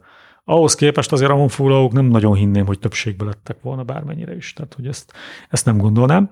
Ami aztán nagyon-nagyon érdekes kérdéseket vet föl, például azt, hogy miért beszélünk mi itt magyarul, de a nyelvi viszonyokhoz visszatérve, az a helyzet, hogy halványgőzünk nincs, hogy ki milyen nyelven beszél. Tehát a szlávokról azt gondoljuk, hogy mert szlávoknak hívják őket, tehát szlávul beszéltek, aztán vagy úgy beszéltek, vagy nem. Lehet, hogy a hét magyar törzs magyarul beszél, de lehet, hogy csak egy beszélt magyarul, de az is lehet, hogy egy sem, ezek szerint. Ez is lehet, hogy a, a know-how-t hozó Árpád fejedelem beszélt magyarul, a többiek kevésbé. Nem, tehát, hogy rengeteg kombináció létezik itt. Igen, rengeteg kombináció létezik, igen. Mind, gyakorlatilag mindegyik mellett tudok példákat felsorolni a történelemből. Viszont tudásunk meg nincs. Mert az a helyzet, hogy igazán komolyan vehető nyelvemlékek a Kárpát-medencéből 7., 8., 9. századból nincsenek. És ha van is egy-két felirat, az ugye mennyiben reprezentatív. Ha belegondolunk a középkori magyar királyságba, ott van aztán rengeteg sírkő, latinul. Ami azt jelenteni, hogy akkor a magyarok latinul beszéltek. De hogy jelenti azt? Az azt jelenti, hogy kulturálisan, ha egy sírkövet állítok és arra írok valamit, akkor azt, azt latinul fogom megtenni. Latinul írnak az írás tudok, meg így szokás ezt csinálni. Ez nem mond el semmit a tömegnek a nyelvéről, vagy a közösségnek a nyelvéről. Fogalmunk nincs, hogy a honfoglalás előtt valójában milyen nyelven beszéltek. A Kárpát-medencében és ezek a nyelvek milyen arányban voltak. Nyilván beszélnek germánul, nyilván beszélnek valamiféle szláv nyelveket ez teljesen egyértelmű, hogy az avarok milyen nyelvet beszélnek, arról fogalmunk sincs. Sanszos, hogy egy részük legalábbis török nyelven beszél, de, de hogy ezek milyen arányban vannak, és ki hol lakik, azt igazándiból nagyon mérsékelten tudjuk. Ugye az a, avarok is egy korábbi keletről beköltöző igen. hullám volt. Igen. Tehát ők egy ugyanolyan nomád bevándorlás, mint mi vagyunk. Az ő sztoriuk az elég világos, ők a mai Mongólia területéről jönnek egyébként villámgyorsan be a Kárpát-medencébe. Tehát az egy messziről jövő népség, de ugyanolyan nomád struktúra. Na és akkor a magyarokról meg mit tudunk? Hát semmit se tudunk, nincsenek magyar nyelvemékek. A nevekből próbálunk valamit etimologizálgatni, hogy hát vannak finnugor típusú neveik, akkor biztos finnugor nyelvűek, csak hát ez megint olyan dolog, hogy hát a mai magyarban mondjuk a Sándor vagy a János az nem egy extrém ritka név, meg egy különleges név, és hát egyik sem magyarul van, és a mai magyar nevek jelentős része az, az nagyon-nagyon nem magyarul van, és ha nem lett volna 90 után egy ilyen magyaros, kvázi magyaros névdivat, akkor a nevek többsége piszkosul nem finnugor alapú lenne. Gondoljuk bele az Annákba, a Máriákba, a Sárákba, az Ágnesekbe és mi egyébben, de egyik sem magyarul van, Katalin. Tehát a, a legklasszikusabbnak érzett magyar nevek, azok azok nem, nem finnugor gyökerűek. Meg tudunk akkor ezekből a nevekből valamit is a magyarság nyelvéről nem tudunk meg. Miért gondoljuk azt, hogy a 10-11-12. században ez másképp volt? A nevek ugyanúgy divatokat követtek akkor is, mint most. Tehát ez egy nagyon vékony jég. Amit tudunk, és ez fontos, hogy amikor beindul a középkori magyar államnak az írásbelisége, és már a 11. századtól ezt látjuk, akkor ugye az írásbeliség az latin. Tehát a latin lesz a státusznyelv tulajdonképpen az írásbeliségnek a nyelve, de az egy politikai alapú dolog, ugye latinul von Hausaus senki nem beszél, azt, azt, azt meg kell tanulni. És az a nyelv, ami ez alatt felrémlik, gyakorlatilag minden forrásban, és láthatóan ez az igazgatásnak a, a nyelve, tehát az a, a Kárpát-medencei országnak a, a, a, a nyelve, az meg mindenhol a magyar. Nem azt jelenti, hogy mindenki magyarul beszél. Ez azt jelenti, hogy a, a közös nyelv a magyar. Úgyhogy azért az sokat mondó, hogy a magyar az, az ilyen pozícióban jelenik meg. És aztán, amikor a 13. századtól már tényleg nagyon sok forrásunk kezd lenni, akkor azért az látszik, hogy a, a helynevekben nagyon sok a magyar helynév, a, a mikrotoponímiákban, tehát a dűlőnevekben, hegynevekben, víznevekben, mindenféle ilyen kicsi földrajzi nevekben dőlnek a, a magyar nevek, és nem csak, hogy magyar etimológiájú, hanem magyar használatú nevek. Tehát ugye nem csak annyi, hogy magyarból etimologizálható a szó, hanem hogy az a neve, hogy mit tudom én, almás patak, meg ilyenek. Tehát mind a két eleme magyar. Ez azt jelenti, csak hogy próbáljam összerakni, hogy a legvalószínűbb forgatókönyv, vagy amit te annak tartasz, az, hogy a bejövők között legalábbis a meghatározó törzsek magyarul beszélhettek, de ahhoz, hogy ezt ne asszimilálja ez a többségi közösség, akik többen lennek, az is kellett, hogy az itt már lévők közül is sokan magyarul beszéljenek? Hát én most ezt gondolom, igen. Nem tudom igazolni, de megnéztem azt, hogy hogy van az, hogy egy nyelv, tehát egy társaság, ami hordoz egy nyelvet, megkapaszkodik egy területen, beköltözik valahova, viszi a nyelvét nyilvánvalóan, és az a nyelv, nyelv is megkapaszkodik és megmarad. Ugye ez nem egy általános történet. Az egész népvándorláskor az arról szól, hogy minden ilyen jövő nép az tulajdonképpen elveszti a nyelvét mikor nem veszti el a nyelvét, mert ezért van, amikor nem veszti el a nyelvét. Ugye Amerika nem indián nyelveken beszél. Miért nem beszél indián nyelveken? Hát azért, mert egyrészt rohadt sok volt a beköltöző, tehát fölül írták a beköltözők a helyben lakókat, plusz ki is írtották őket. Tehát magyarán csináltak egy tabularázát, egy üres lapot csináltak, na ez a honfogásra nem igaz. A másik lehetőség az az, hogy iszonyatos tömegben költözünk ez a szláv vándorlás. Ugye a szlávok nem is országként vándorolnak, hanem ilyen pici csoportokban, ilyen kvázi hullámokban terjedő népként, emberanyagként költöznek be különböző országokba, amit aztán elszlávosítanak, és aztán majd egyébként meg létrehozzák a saját államaikat adott esetben. Tehát ez egy teljesen másik struktúra. Ilyenek egyébként a törökök is, akik folyamatosan jönnek keletről nyugat fele, egyfolytában jönnek, jönnek, jönnek, jönnek, folyamatosan létrehoznak kisebb-nagyobb országokat, csak hát ők a Sztyeppe régióban jönnek, ami azért egyébként alkalmanként tényleg kiürül. Tehát ott, ott időnként van, vannak ilyen új, új fejezetek a rendszerben. Akkor marad meg a nyelv, ha sokan jönnek, és folyamatos utánpótlása van. Tehát nem egyszer bejön, hanem bejön egyszer, kétszer, háromszor, négyszer, évszázadokon keresztül jön az utánpótlás. Na akkor akkor van esélye egy nyelvnek megkapaszkodni, na most a magyarról tuti, hogy ezt nem mondhatjuk el. Semmi olyasmiről nem tudunk, hogy a honfoglalás után újabb magyar hullámok jönnének be. Lehet, hogy bejöttek mondjuk a 10. században még magyar hullámok, ez nem lehetetlen. De mondjuk azt tudjuk, hogy beköltöznek a besenyők, és a besenyőkről azért mindenképpen azt gyanítjuk, hogy török nyelvűek voltak. Aztán jönnek a kunok, róluk tudjuk, hogy török nyelvűek Akiket voltak. szintén nyelvileg sikerült nagyon asszimilálni. hamar asszimilálni. Hát nem tudjuk, hogy milyen hamar, de sikerült asszimilálni. De az a lényeg, hogy, hogy az új beköltözők, azok sose magyar nyelven beszélnek, tehát nem a magyar nyelvű közösséget erősítik meg, ami nekünk kellene nagyon ahhoz, hogy a magyar státusznyelv legyen, vagy megőrizze a pozícióját, hanem mindig tulajdonképpen a, a másik nyelveket erősítik. Az, hogy a magyar nem törik ebbe bele, az azért lehet, mert a magyarnak már addigra olyan pozíciója van. De akkor ezek után csak az a forgatókönyv marad, hogy Ugye a magyar az nem a szomszédba költözik, a szomszédban nincsenek finnugor nyelvek. Ez már egy nagyon necces szituáció a nyelv szempontjából. Csak az a forgatókönyv marad, hogy az Árpád-féle bevándorlás, amiről én, én azért mégis csak azt gondolom, hogy magyar nyelvű alapvetően, vagy nagyobb része talán magyar nyelvű, és az uralkodó elit a magyar tekinti a sajátjának, még ha mondjuk Árpádék lehet, hogy nem is azon a nyelven beszélnek, tehát az Árpádház, hogy ez, ez nem az első magyar bevándorlás, magyar nyelvi bevándorlás, hanem a nyelvnek az utolsó bevándorlása és egyúttal a pecsétje és a megerősítése a magyar nyelv státuszának, de ez az kell, hogy korábban korábbi bevándorlási hullámok legyenek. Ez a kettős honfoglalás elmélete, vagy ez valami más? Ez valami más, én szerintem a kettős honfogás elmélet az arról szól, hogy van egy tudatos közösség, a magyar, ami kibocsátja a különböző hullámokat, és ezek különböző hullámokban, kettő vagy három hullámban bejönnek a Kárpát-medencében, és ezt a magukénak tekintik, de hogy ez egy teljesen tudatos azonosság hogy akkor a, az avarok átveszik a hunoktól a stafétát, mint kvázi magyarok, akik visszajöttek, és a magyarok pedig az avaroktól veszik át a stafétát, mint egy újabb, szintén magyar bevándorlási hullám. Ugye ez azzal járna, hogy tulajdonképpen mindenki magyar. A hunok is magyarok, meg az avarok is magyarok. Hát az a probléma, hogy se az avarok, se a hunok nem nagyon hívják magukat magyarnak. Ez nem is nagyon meglepő, ugye itt politikai nevekről van szó, és azt világosan látjuk, hogy a magyar politikai név hát a 9. századnál nem nagyon lehet korábbi. Ugye ahhoz kell az ország, hogy politikai nevünk legyen. Az meg későn jön létre, és az fogja majd a magyart viselni. Tehát mivel nincsen korábbi politikai struktúra, ezért ugyanaz a közösség nem is bocsáthatja ki, mert az, az a közösség nem ugyanaz a közösség. Lehet, hogy sok eleme közös, de nem ugyanaz a közösség.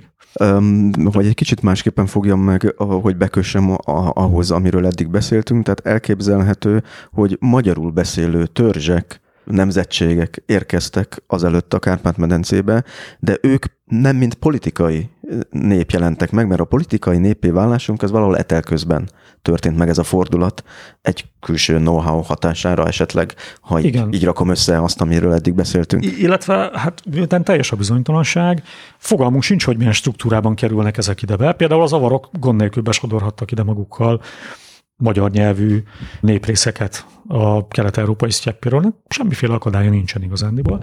De ezek a néprészek semmiképpen sem tartoztak a egyébként későbbi magyar politikai közösségbe. Nem is hívták magukat valószínűleg magyarnak, mert hogy ez a név akkor még nem játszik ebben a formában. De lehet, hogy ők azért valamilyen megszervezett valaminek tekintették magukat, csak nem tudjuk, hogy hogy. Ugye ebből a szempontból roppant érdekesek a székelyek, akik akikről a hagyomány azt tartja, hogy már itt vannak korábban a Kárpát-medencében.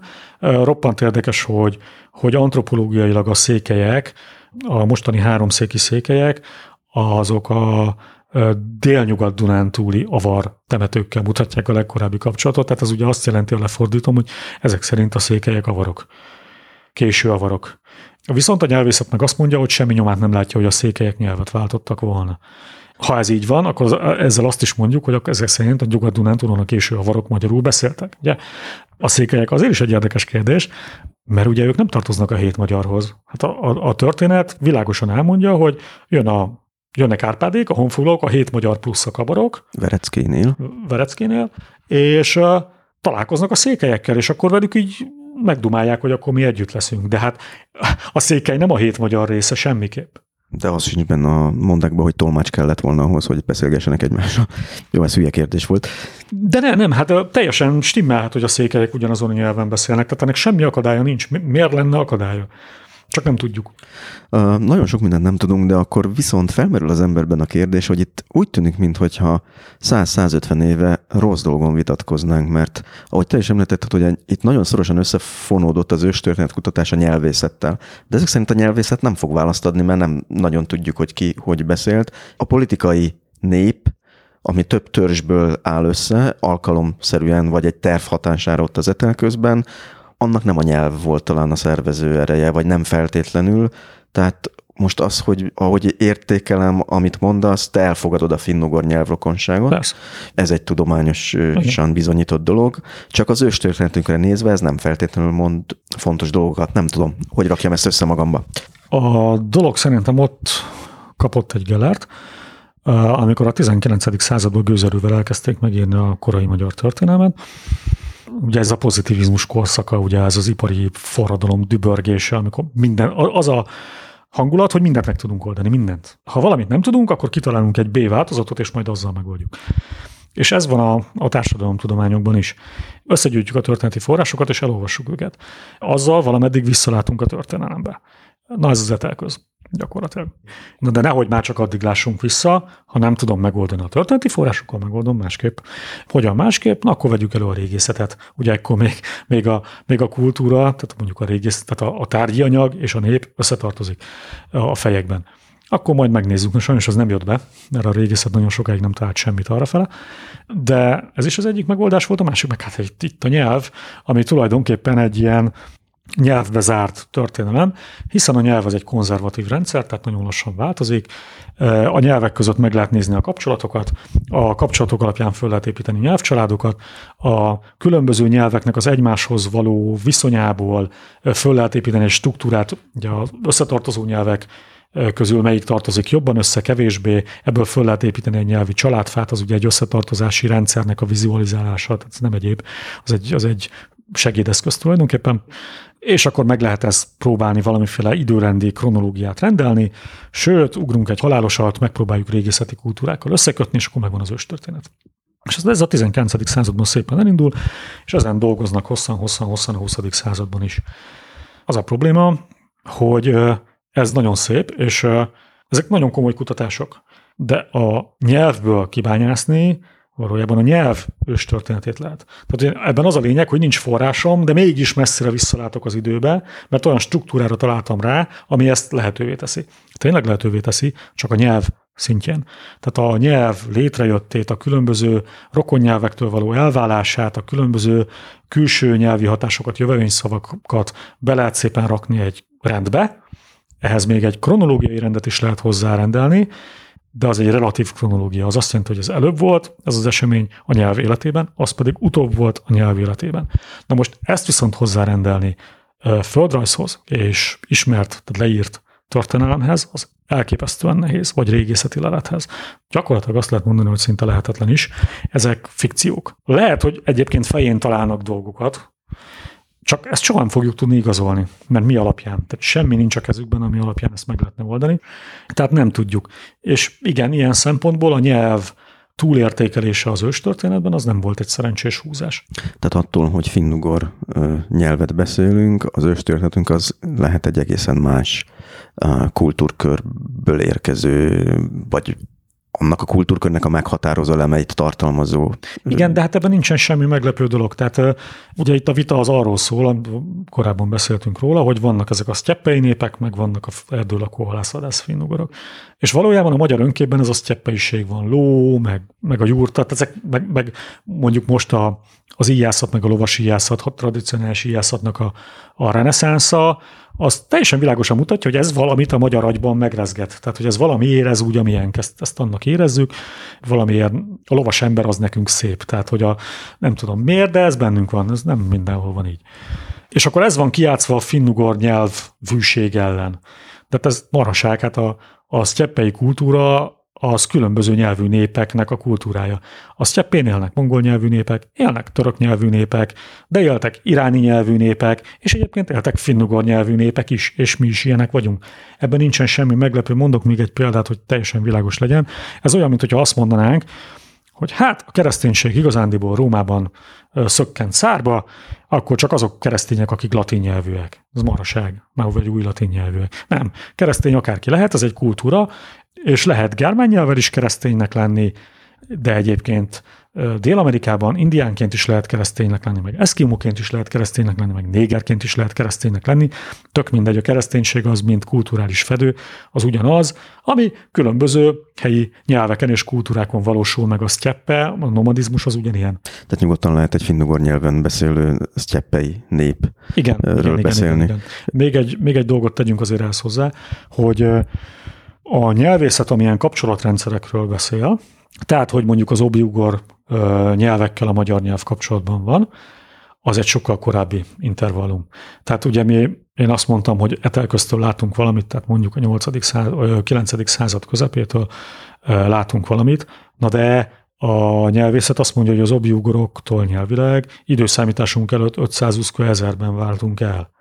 Tehát ott van egy 1500 év lyuk a nyelvészet a maga eszközeivel sokkal nagyobb léptékekben gondolkozik, mert a nyelvi változások ilyen sokkal nagyobb időintervallumokban zajlanak, és iszonyatosan távolra visszamutat a, az időben, csak hát ezt nem tudjuk semmihez se hozzákötni. Ugye van nyelvcsere, az obiugor népeknél például teljesen világos, hogy valaki nyelvet cserélt, mert genetikailag, antropológiai teljesen különböző társaságok vannak az obiugoroknál. Nem tudjuk ki és mikor csinálta ezt. Tehát ott az van az obiugorokkal, hogy mondjuk, ha lenne ennek értelme, de valamilyen szinten van értelme. Tehát simán egyértelmű, hogy az obiugorok egy részével nyelvileg rokonok vagyunk, de genetikailag sehogy. Mert ez egy két különböző struktúra. Két teljesen különböző dolog. Ezeket nem, nem kellene összekeverni, és akkor minden rendben lenne. Tehát ha jól értem, az elmúlt 100-150 évben a nyelvészet megpróbálta betölteni azt az űrt, amit nem tudott az őstörténet, mert nem voltak források, vagy most sincsenek nagyon, Igen. de régészeti területek se voltak, kevesebbet tudtak, és ez a trón követelés, ez aztán visszaütött, mert lehet azért látni, hogy a kurultáj, meg ezek a mozgalmak, ugye nagyon gúnyosan szóval finnugrászokat utálják, de közben, ahogy mondod, kiderül, hogy nincs miért utálniuk, mert a vita az álvita ebből a szempontból, mert, mert az egyik a nyelvész, más lát, az őstörténetkutató meg megint más lát, és igen. nem a nyelvet kutatja feltétlenül. Igen, igen, igen. Például a kurultáj, az a magyar hagyományok szempontjából egy teljesen adekvát dolog, mint ötlet ha egyszerűen teljesen világos, hogy a legkorábbi ismert magyar hagyomány, az egy lovasnomád hagyomány, és az cseppéhez köt minket, akkor ezzel miért ne foglalkozhatnánk? Tehát ez egy szerintem teljesen normális dolog, hogy ezzel foglalkozunk. Most, ahogy a kurultájon csinálják, az, az mondjuk az inga kilengése. Tehát, hogy az, az el van ott túlozva, meg szerintem sok minden nem egészen van a helyén, de maga az elképzelés, hogy valójában nekünk közünk van a sztyeppei népekhez, az teljesen helyén való abszolút, hogy a sztyeppei népek rokonaink bizonyos fokig, persze, hogy rokonaink kulturális szempontból mindenképpen ugyanabból a világból jönnek ők is, meg mi is. Ez egy teljesen oké okay dolog, csak nem, nem kéne ezt abszolutizálni meg kiterjeszteni, de hát ez annak az ellenpontja, hogy eddig meg a finnugor volt kiterjesztve és abszolutizálva.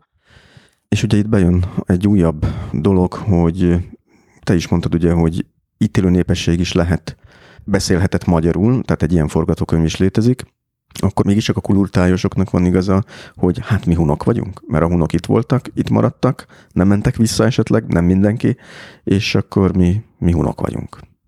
Hát nem, nem vagyunk hunok, magyarok vagyunk, tehát ez elég egyértelmű, hogy magyarok vagyunk, és a, amiről eddig beszéltünk, ez a közösségi tudat, ez 9. század elköz. Tehát a hunok meg 400 évvel korábban vannak. Tehát, hogy ez, ez így nem ér össze egyszerűen. Ez nem jelenti azt, hogy a széteső hun birodalomnak különböző törmelékei, azok ne kerülhetnének be a honfoglaló, akár a honfoglaló magyarok közé, akár pedig a Kárpát-medencében, a Magyar Királyságban, akár úgy, hogy itt maradtak, később jöttek bárhogy. Simán lehetnek folyamatos elemek a hunok és a magyarok között, csak a magyar önképet nem ez határozza meg, hanem a magyar identitás, ami viszont a 9. századi eltelközhöz köthető. A hunokkal van egyébként még egy jókora nagy baj, az, hogy a hun birodalom az igazándiból egy bukta. Az egy tipikus, rövid ideig fennálló sztyeppei indítatású birodalom, ami iszonyatosan szétnyeri magát, és aztán összeomlik, de nyom nélkül omlik össze, tehát írmagja nem maradt tulajdonképpen. Na most a sztyeppén hagyomány akkor marad fenn, ha azt valamilyen politikum fenntartja. Tehát ugye ez egy közismert történet, hogy a a Közép-Ázsiában az uralkodó dinasztiák a mongolkor után Genghis Khan-tól származtatják magukat. Egyébként teljesen jogosan és tényleg, tehát nagyon keményen megvannak a Genghis családfák, és hogy minden uralkodónak Genghis kell lennie. Ez azért van, mert a mongol birodalom az nem elpusztult, nem megsemmisült, hanem felaprózódott. Az azt jelenti, hogy minden egyes darabjában teljesen adekvátan ment tovább a mongol hagyomány. Na most a hunoknak nem úgy néz ki, mintha lennének ilyen folytatásaik. Tehát egy kicsit olyan volt, mint a Nagy Sándor Macedón, hogy igen, volt igen, egy uralkodó, igen, igen. és aztán se utána, se előtte. Egyébként kísértetésen ugyanolyan rövid ideig tartott, tehát ez a 12-13 év, többenetesen kicsi idő. Óriási hatása van, mert valamiért az ott nagyon elkapta az akkori fejlődési vonalat, és ezért nagyon mély nyomokat hagyott egy csomó helyen, meg bizonyos szempontból nagyon erős a PR-ja a Hun birodalomnak, még akkor is, hogyha ez adott esetben negatív PR, de van pozitív is. De az a helyzet, hogy nem nagyon látunk olyan csoportokat, akik genetikusan tovább vinnék azt, hogy mi húnak vagyunk, és hogy ránk kéne hivatkozni bárkinek is. Vannak olyan közösségek ma is, akik az elszakadt hún birodalomból maradtak meg, nagyon picik is népecskék egyébként időnként. De hát nagyon szimptomatikus dolog, hogy hát kikalkották a hunbirodalom gerincét Európában, hát a germánok. Ugye a Nibelungének mindenféle egyebek, ugye a hun hagyománynak az abszolút fontos elemei, az, azok germán hagyományok.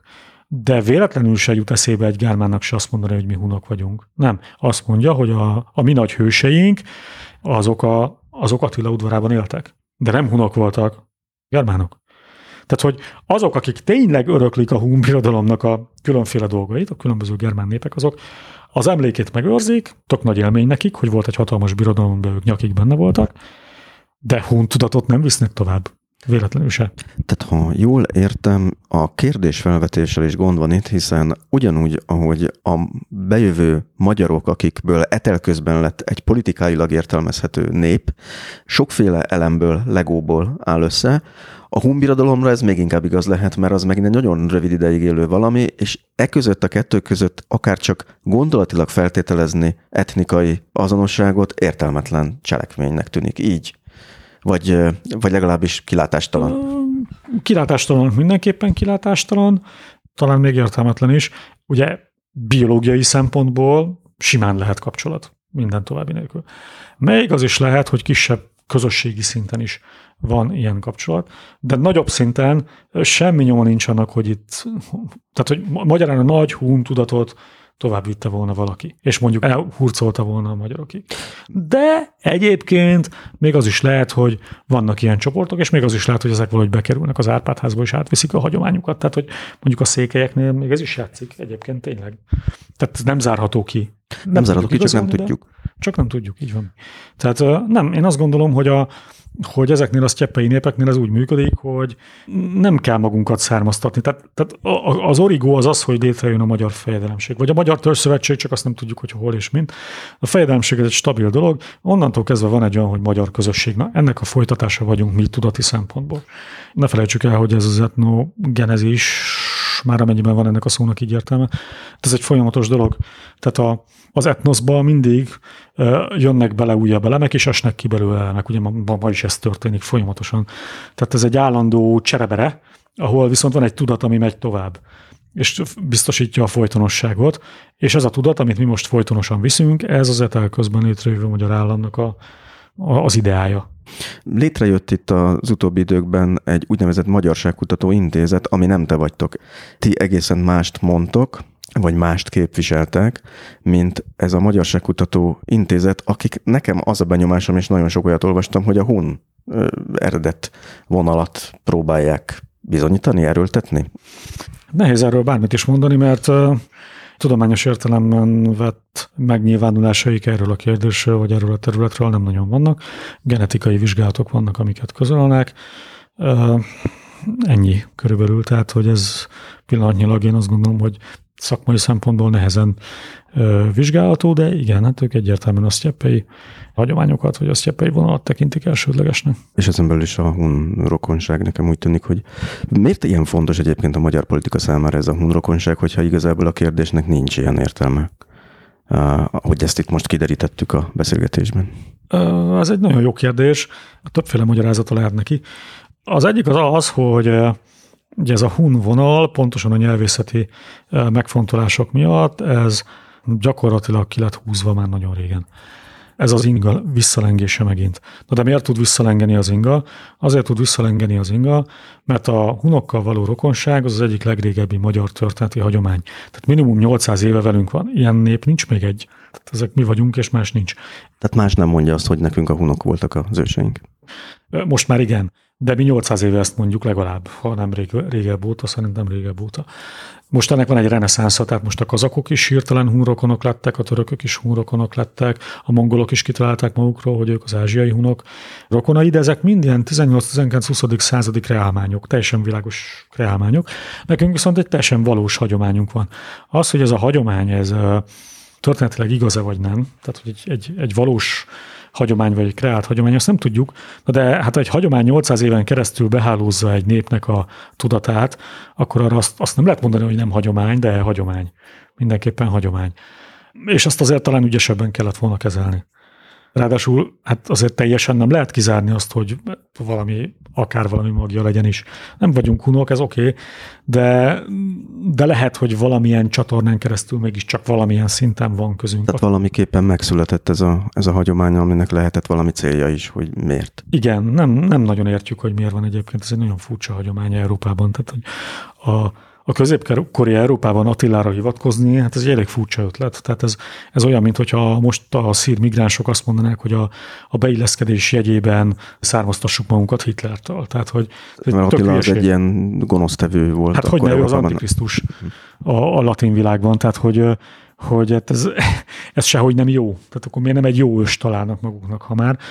Ha az ember egy totál negatív figuráról kezdi azt mondani, hogy az én ősöm, akkor azért annak csak van valami alapja, csak nem tudjuk, hogy mi. Mindenesetre furcsa. Ez egy nagyon furcsa dolog, hogy egy, egy nem pozitív szereplőt tesznek meg a középkorban, a keresztény középkorban, nagyon keményen keresztény írástudók, tehát a, a, a klérus, nyilvánvalóan a klérushoz tartozó írástudók a magyarság ősének. Hát ha, ha itt nem lenne valami, ami ezt csinálják, akkor az elég értelmetlen lenne. Csak nem tudjuk, hogy mi ez a valami hogy miféle hagyomány maga az, amire ez ráépül. Hogy most akkor tényleg arról van szó, hogy az Árpádoknak mégiscsak volt valami öm, hagyományuk Attilával kapcsolatban, ami nagyon fura lenne, de ki tudja. Vagy hogy a magyaroknak valami volt a hunokról, vagy hogy a magyaroknak az ázsiai hunokról volt esetleg valamiük. Vagy szóval, hogy nagyon sokféle verzió elképzelhető. Az viszont biztos, hogy a magyar Attila hagyomány az totál egyedi. Tehát az Európában egy teljesen egyedi hagyomány, még akkor is, hogyha a szöveganyaga az nem. A szöveganyaga az Nyugat-Európáról van összeszedve, de az egész látásmódja, az Attila személyének a használata, az Attilához való viszonyulás, az teljesen egyedi. Tehát hasonló sincsen. Úgyhogy én nem mondanám, hogy az Attila hagyomány az, az kigyomlálandó. Nem, nem gyomlálandó ki, ez egy nagyon-nagyon régi eleme a magyar hagyománynak. Azt lehet tudatosítani, hogy a fene se tudja, hogy igaz-e. Az teljesen rendben van. És emiatt, hogy ez a magyar tudatnak a része, hogy a hunok leszármazottai vagyunk, ennek a teljes tagadása, tehát de mindenféle értelemben, kulturális értelemben és a tagadása, az nyilván kontraproduktív. Az most visszaüt ilyen formán. Csak nem biztos, hogy így kellene ezt csinálni feltétlenül, de hát meglátjuk, hogy mi lesz belőle. Minden esetre egy modern genetikai kutatás is hozhat teljesen félreértelmezhető, félrevívő eredményt. De nyilván nekem a genetikai kutatások szempontjából az a kérdésem, hogy a genetikai eredmény, az a kód, ami kijön a, a mérések végén, az vajon hogyan használható fel a történelem megismeréséhez. Valójában az a kérdés, hogy a, a gének hogyan függnek össze a történelemmel, és ugye ez egy nagyon fura kérdés, mert ezt úgy is felteltem, hogy tulajdonképpen egy ízig-vérig természettudomány és egy természettudományos eredmény, az hogyan függ össze a társadalomtudományjal. Tehát a biológia és a társadalom hogyan függ össze, ugye ez a test és a lélek. Voltak éppen, és nem egyszerű ez az összefüggési rendszer. Tehát egy nagyon jó kutatás, nagyon precíz, pontos végeredményekkel eredményezhet teljesen rossz magyarázatot. Tehát Igen. ez most egy kicsit olyan, mint egy csodafegyver, nem mint a régen a nyelvészet volt, most a genetika az, ami esetleg félreviheti ezeket a történeti Reméljük, hogy nem fogja, de, de a szituáció kísértetiesen hasonlít. Igen, igen, igen, igen, igen. Ez így van. Hát ugye a genetikánál az a nehéz, hogy, hogy a, a gén nem beszél, hogyha egy nagyon zanzásítva akarjuk mondani. Tehát nem tudjuk, hogy a génhordozó mit gondolt magáról, milyen identitása volt. Azt nem tudjuk, csak azt, hogy olyan génje van, amilyen kimutatható két népcsoport között egy közös marker, közös génmarker, de attól még az nem beszél semmit arról, hogy ők egyébként Igen. mik. Mondok egy példát, erre vannak most legújabb kutatásokban, vannak azért eléggé speciális haplotípusok, tehát ilyen génmutáció típusok, amik nagyon kevés népben vannak meg. És akkor például van egy olyan, ami megvan a baskirokban, megvan a tatárokban, a, tehát a, a kazányi tatárokban, tehát a volgai tatárokban, meg a magyarokban. Na most a magyar az egy finnugor nyelvű nép, a másik kettő meg török nyelvű nép. Nem is olyan régen állítólag, tehát hogyha mondjuk a genetikát, ezt időben vissza lehet datálni, tehát meg lehet többé-kevésbé satszolni az elvárási pontokat, hogy nem is olyan nagyon régen váltak el azok a közös ősök, akik aztán a baskír irányba, meg aztán a magyar irányba vitték el ezt a gént, hordozták ezt a gént mégis két teljesen különböző tudatú, különböző vallású, különböző nyelvű nép lett a végeredmény, vagy népfia lett az illető, vagy fiai lettek az illetők. Hát ez egy nagyon fogós dolog, hogy most akkor mit, mit milyen messzire tudunk visszavezetni. De van, megfogalmazhatom teljesen másképp is. Azt lehetne mondani, hogy ha veszünk egy mai magyar génmintát, tehát a mai magyarságból egy, egy nagy számú génmintát, meg a mai szlovákságból egy nagy számú génmintát, akkor a kettő között gyakorlatilag semmiféle különbség nem lesz. Mert mitől lenne? Ugyanakkor hát eléggé nyilvánvaló, hogy egy szlovák meg egy magyar az nem ugyanaz. Sem nyelvileg, sem politikailag, kulturálisan egyébként ahhoz képest még hasonlítunk is. Na de, de azért egy magyar meg egy szlovákot csak nem kéne összekeverni. Tehát, hogyha én ezt történelemként nézem, akkor ez nagyon különbözik. De gémben meg nem. Akkor most, most ez hogy is van? Tehát, hogy, hogy ez a nagyon nehéz benne, hogy, hogy lesz genetikai eredmény, csak azt nem tudjuk, hogy ez pontosan mire jó. Egyébként egy csomó mindenre azért jó, tehát ez az már most is látszik, hogy mondjuk honfogláskori leletekből kivont gémmintákat össze lehet vetni, mondjuk az uráli magyar gyanús lelőhelyek gémmintáival, és speciál kijött, hogy van több egyezés is, ráadásul nagyon szoros egyezések, tehát ilyen nagyon ritka uh, haplotípusok egyeznek, ami azt jelenti, hogy hát azért ott, ott uh, világosan látszik, hogy nem csak a, a tárgyi kultúra, nem csak mondjuk a temetkezési mód uh, hasonlít, és mondjuk ez alapján azt, hogy hát ezek valamilyen módon kapcsolódnak a korai magyarokhoz, hanem most már a genetika is azt mondja. Erre például jó, mindenképpen jó a genetika, arra, arra azért szerintem nem lesz jó, hogy úgy amblok azt mondjuk, hogy na akkor a magyarság innen jött, vagy a magyarság ez vagy az. Kapcsolati hálókat fog felmutatni a genetika jó valószínűleg, és hát aztán majd gondolkodhatunk, hogy pontosan az mit is jelent.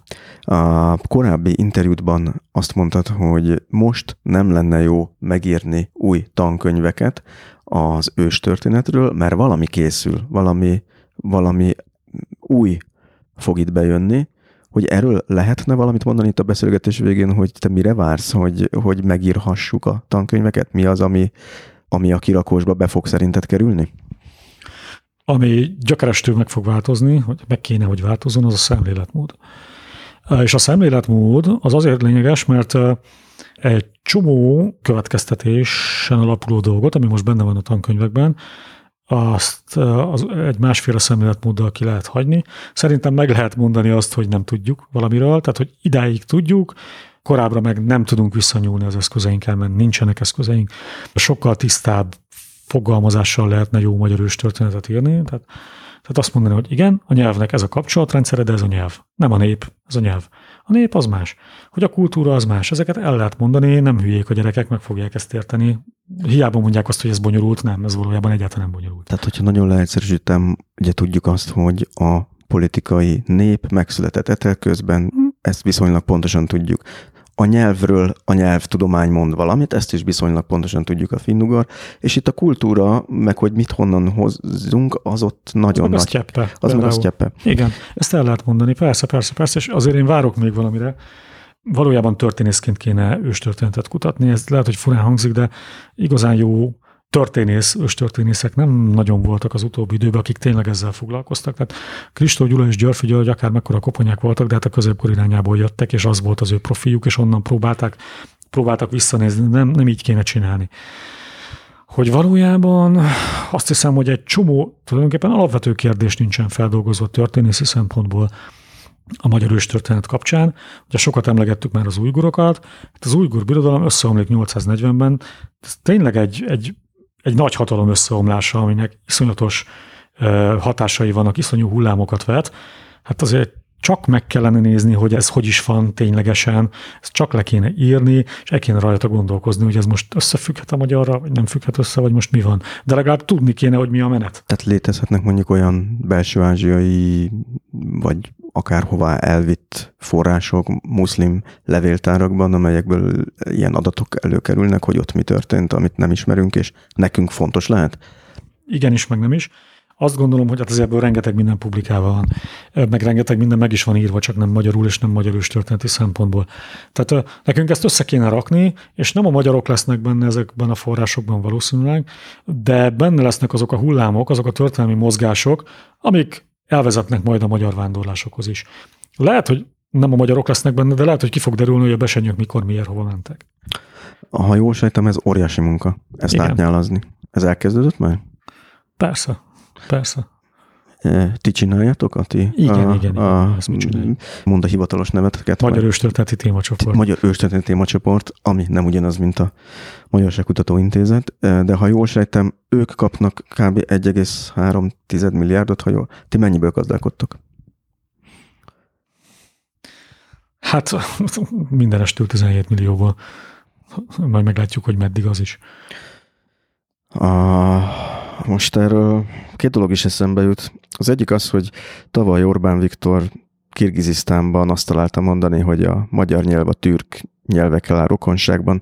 Nyilván ezzel szeretett volna kedveskedni. A másik pedig az, hogy ugye Kína, akivel szintén szeretnénk jóban lenni, hát nem éppen ápol manapság kiegyensúlyozott viszonyt az újgur kisebbségével. Szóval nem félsz attól, hogy a magyar politika rá fogja nyomni a bélyegét a magyar őstörténet kutatásra? Hát a politika rányomja a bélyegét, tehát a Magyarságkutató Intézet megalapításával például, vagy a László Gyula Intézet megalapításával rányomta a bélyegét a politika, megmondta, hogy ő milyen irányba szeretné ezt fejleszteni. Nekem nem dolgom ezzel foglalkozni. Én egy kutató vagyok, és én nem az eredmény felől, nem, tehát nem az eredményhez gyártok ideológiát, vagy tehát a kívánt eredményhez, hanem én elindulok a forrásaimból, és lesz, ami lesz. Szerintem a kutatói létnek ez az egyik legszebb oldala, amikor elindulunk valamivel, valami van a fejünkben, kutatunk, kutatunk, és egyszer csak rádöbbenünk, hogy á, hát ez most mind elmegy a lecsóban, mert egyszerűen rosszad, tehát nem, nem áll meg a gondolatunk. És akkor az ember kélyes mosolya, kidobja több havi munkáját, és persze egy magasabb szintről, egy újabb szintről kezdi előről, hiszen már meglépte azt a lépcsőt. Engem az érdekel, hogy valamilyen eredményre eljussak, valóban tudományos módszerekkel, úgy, ahogy, ahogy a tudomány ö, működik. Hogy a politika mit kezd az én tudományos eredményeimmel, az aztán végleg nem az én dolgom. Azt értem, hogy a kettőnek nem kell találkoznia, de ez az új Magyarságkutató Intézet teljesen elveheti előletek a levegőt. Hát kétségtelenül mondjuk jól esett volna, hogyha mi vagyunk az őstörténet kutatás centrumában, mert az embernek az ilyesmi jól esik de nem mi vagyunk, tehát hogy akkor nem. Ö, azt, hogy a Magyarságkutató Intézetben mi fog történni, azt én nyilvánvalóan nem tudom. Csak reménykedni tudok benne, hogy hasznos dolgok lesznek, mert a hasznos dolgokat mi is fel fogjuk tudni használni. Tehát ha valamit jól megcsinálnak, akkor azt nem kell nekünk jól megcsinálni. Tehát ez ilyen szempontból semmiféle probléma nincsen. Úgyhogy én várom az ő eredményeiket, tényleg kíváncsian várom, hogy mit csináljuk a magunkét, aztán majd lesz, ami lesz. Említetted a te nomád, kicsit nomád hozzáállásodat, amit megtanultál a hegyekben, hogy hogy kell végigmenni mm. egy feladaton, hogy hogy lehet tulajdonképpen csak magadat teheted felelőssé azért, hogyha valami nem sikerül. Ha elkezdesz valamit, akkor fejezd be, ha nem vittél felszerelést, akkor kampec, hogy nem lehet, hogy te ezzel a mentalitással reménykedsz egy olyan helyzetben, ahol úgy tűnik, hogy nem nagyon nektek áll az ászló. És hogy meddig lehet eljutni ezzel a nomád mentalitással itt? Aha, ez egy nagyon jó kérdés. Ha, ha az infrastruktúrális kereteket nézem, tehát amiről beszélsz, hogy pénz, hogy állások, hogy munkahely, hogy izé, akkor mondjuk nem vagyok felhőtlenül optimista. Igazándiból, ha már az megmarad, ami most van, már az is jó. Vagy megmarad, vagy nem, ez majd kiderül. Ha viszont a, kutatási helyzetet nézem, mint tudományt, tehát ami viszont engem igazándiból érdekel. Tehát ugye az infrastruktúra az csak a héj, tehát szükséges, de az mégiscsak a héj, tehát ez nem az a lényeg. Hát szóval, hogyha, hogyha a tartalmat nézem, akkor viszont nagyon is optimista vagyok. Azért vagyok nagyon is optimista, mert amikor én ebben nagyon komolyan belevágtam, akkor azért mondjuk történészi szinten nem sok minden történt Magyarországon, ami, ami nagyon-nagyon előre mutató lett volna. Én akkor azt mondtam, hogy szerintem öt év, mire sikerül úgy megindítani ezt a dolgot, szóval, hogy úgy már úgy elinduljon, hogy meguruljon a szekér. És szerintem ez megvan. Három magyar összehajól működött? Aha, nagyon is. E, a, amit mi csinálunk, az pont ezzel működik, igen.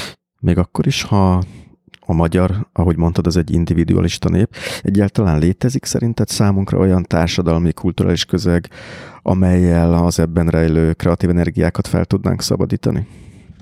Hát ez nagyon fogós kérdés, nyilván ez a magyar, az egész magyarság kérdése, hogy ez mit kellene vele kezdeni. Azért nagyon fontos leszögelendő dolog, hogy ilyen hagyományokkal jövünk, viszont ezer éve Európában vagyunk, és ráadásul Európában is úgy vagyunk benne, hogy a, a, a nyugati keresztény tradícióhoz tartozunk, tehát nem a keletihez, hanem a nyugatihoz. Azért ez az ezer év, az nagyon sok. És mi sehogy nem tudnánk visszamenni egy keleti világban, mert megőrülnénk tőle, meg pillanatokat elvéreznénk, mert mi nem úgy, ma már nem úgy csináljuk, mint, mint ezer évvel ezelőtt. Tehát itt azért nyilvánvaló, hogy van egy, van egy változás ebben a dologban. És hogy hogy lehetne ezt kreatívan használni? Hát én, én azt érzem, ez, ezek tapasztalatok, hogy a magyarok szeretnek, vagy nem, tehát mondjam úgy, hogy sok, sokan, akiket ismerek, tényleg kreatívak, szeretnek egyedül kreatívkodni. Tehát, hogy én megkreatívkodom a dolgot, a többiek meg segítsenek ebben. Amikor viszont azt látom, hogy akár csak két ember azt mondja, hogy te is kreatív vagy, meg én is kreatívak vagyunk. Ám de dolgozzunk együtt, értsük meg egymást, és toljuk egymás szekerét, na akkor ott pillanatok alatt csoda dolgok történnek, és ez csak két ember. És ha mondjuk ez három, vagy négy, vagy öt, akkor hihetetlen eredmények születnek pillanatokon belül. Valójában azt hiszem, hogy a kulcs az nyilván az önnevelés természetesen, nem a politika fogja ezt megoldani, az nem fogja tudni megoldani.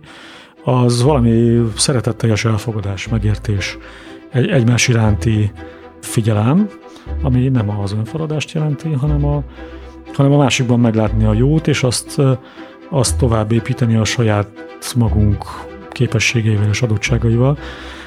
És igen, és, és eltűrni azt, hogy nem úgy vannak a dolgok, ahogy személy szerint mi akarjuk adott esetben.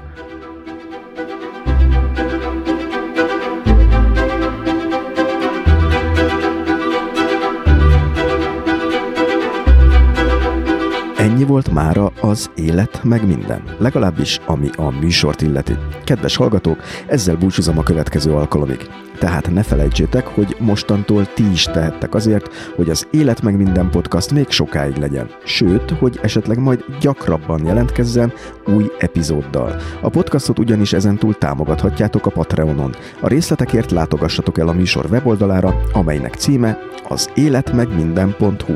Tehát még egyszer, ékezetek nélkül, az életmegminden.hu és mielőtt elnémítom magam, még egy apróság, ami neked is hasznos lehet. Mindig is úgy gondoltam, hogy az újságírás nagyjából egészében tanulható mesterség.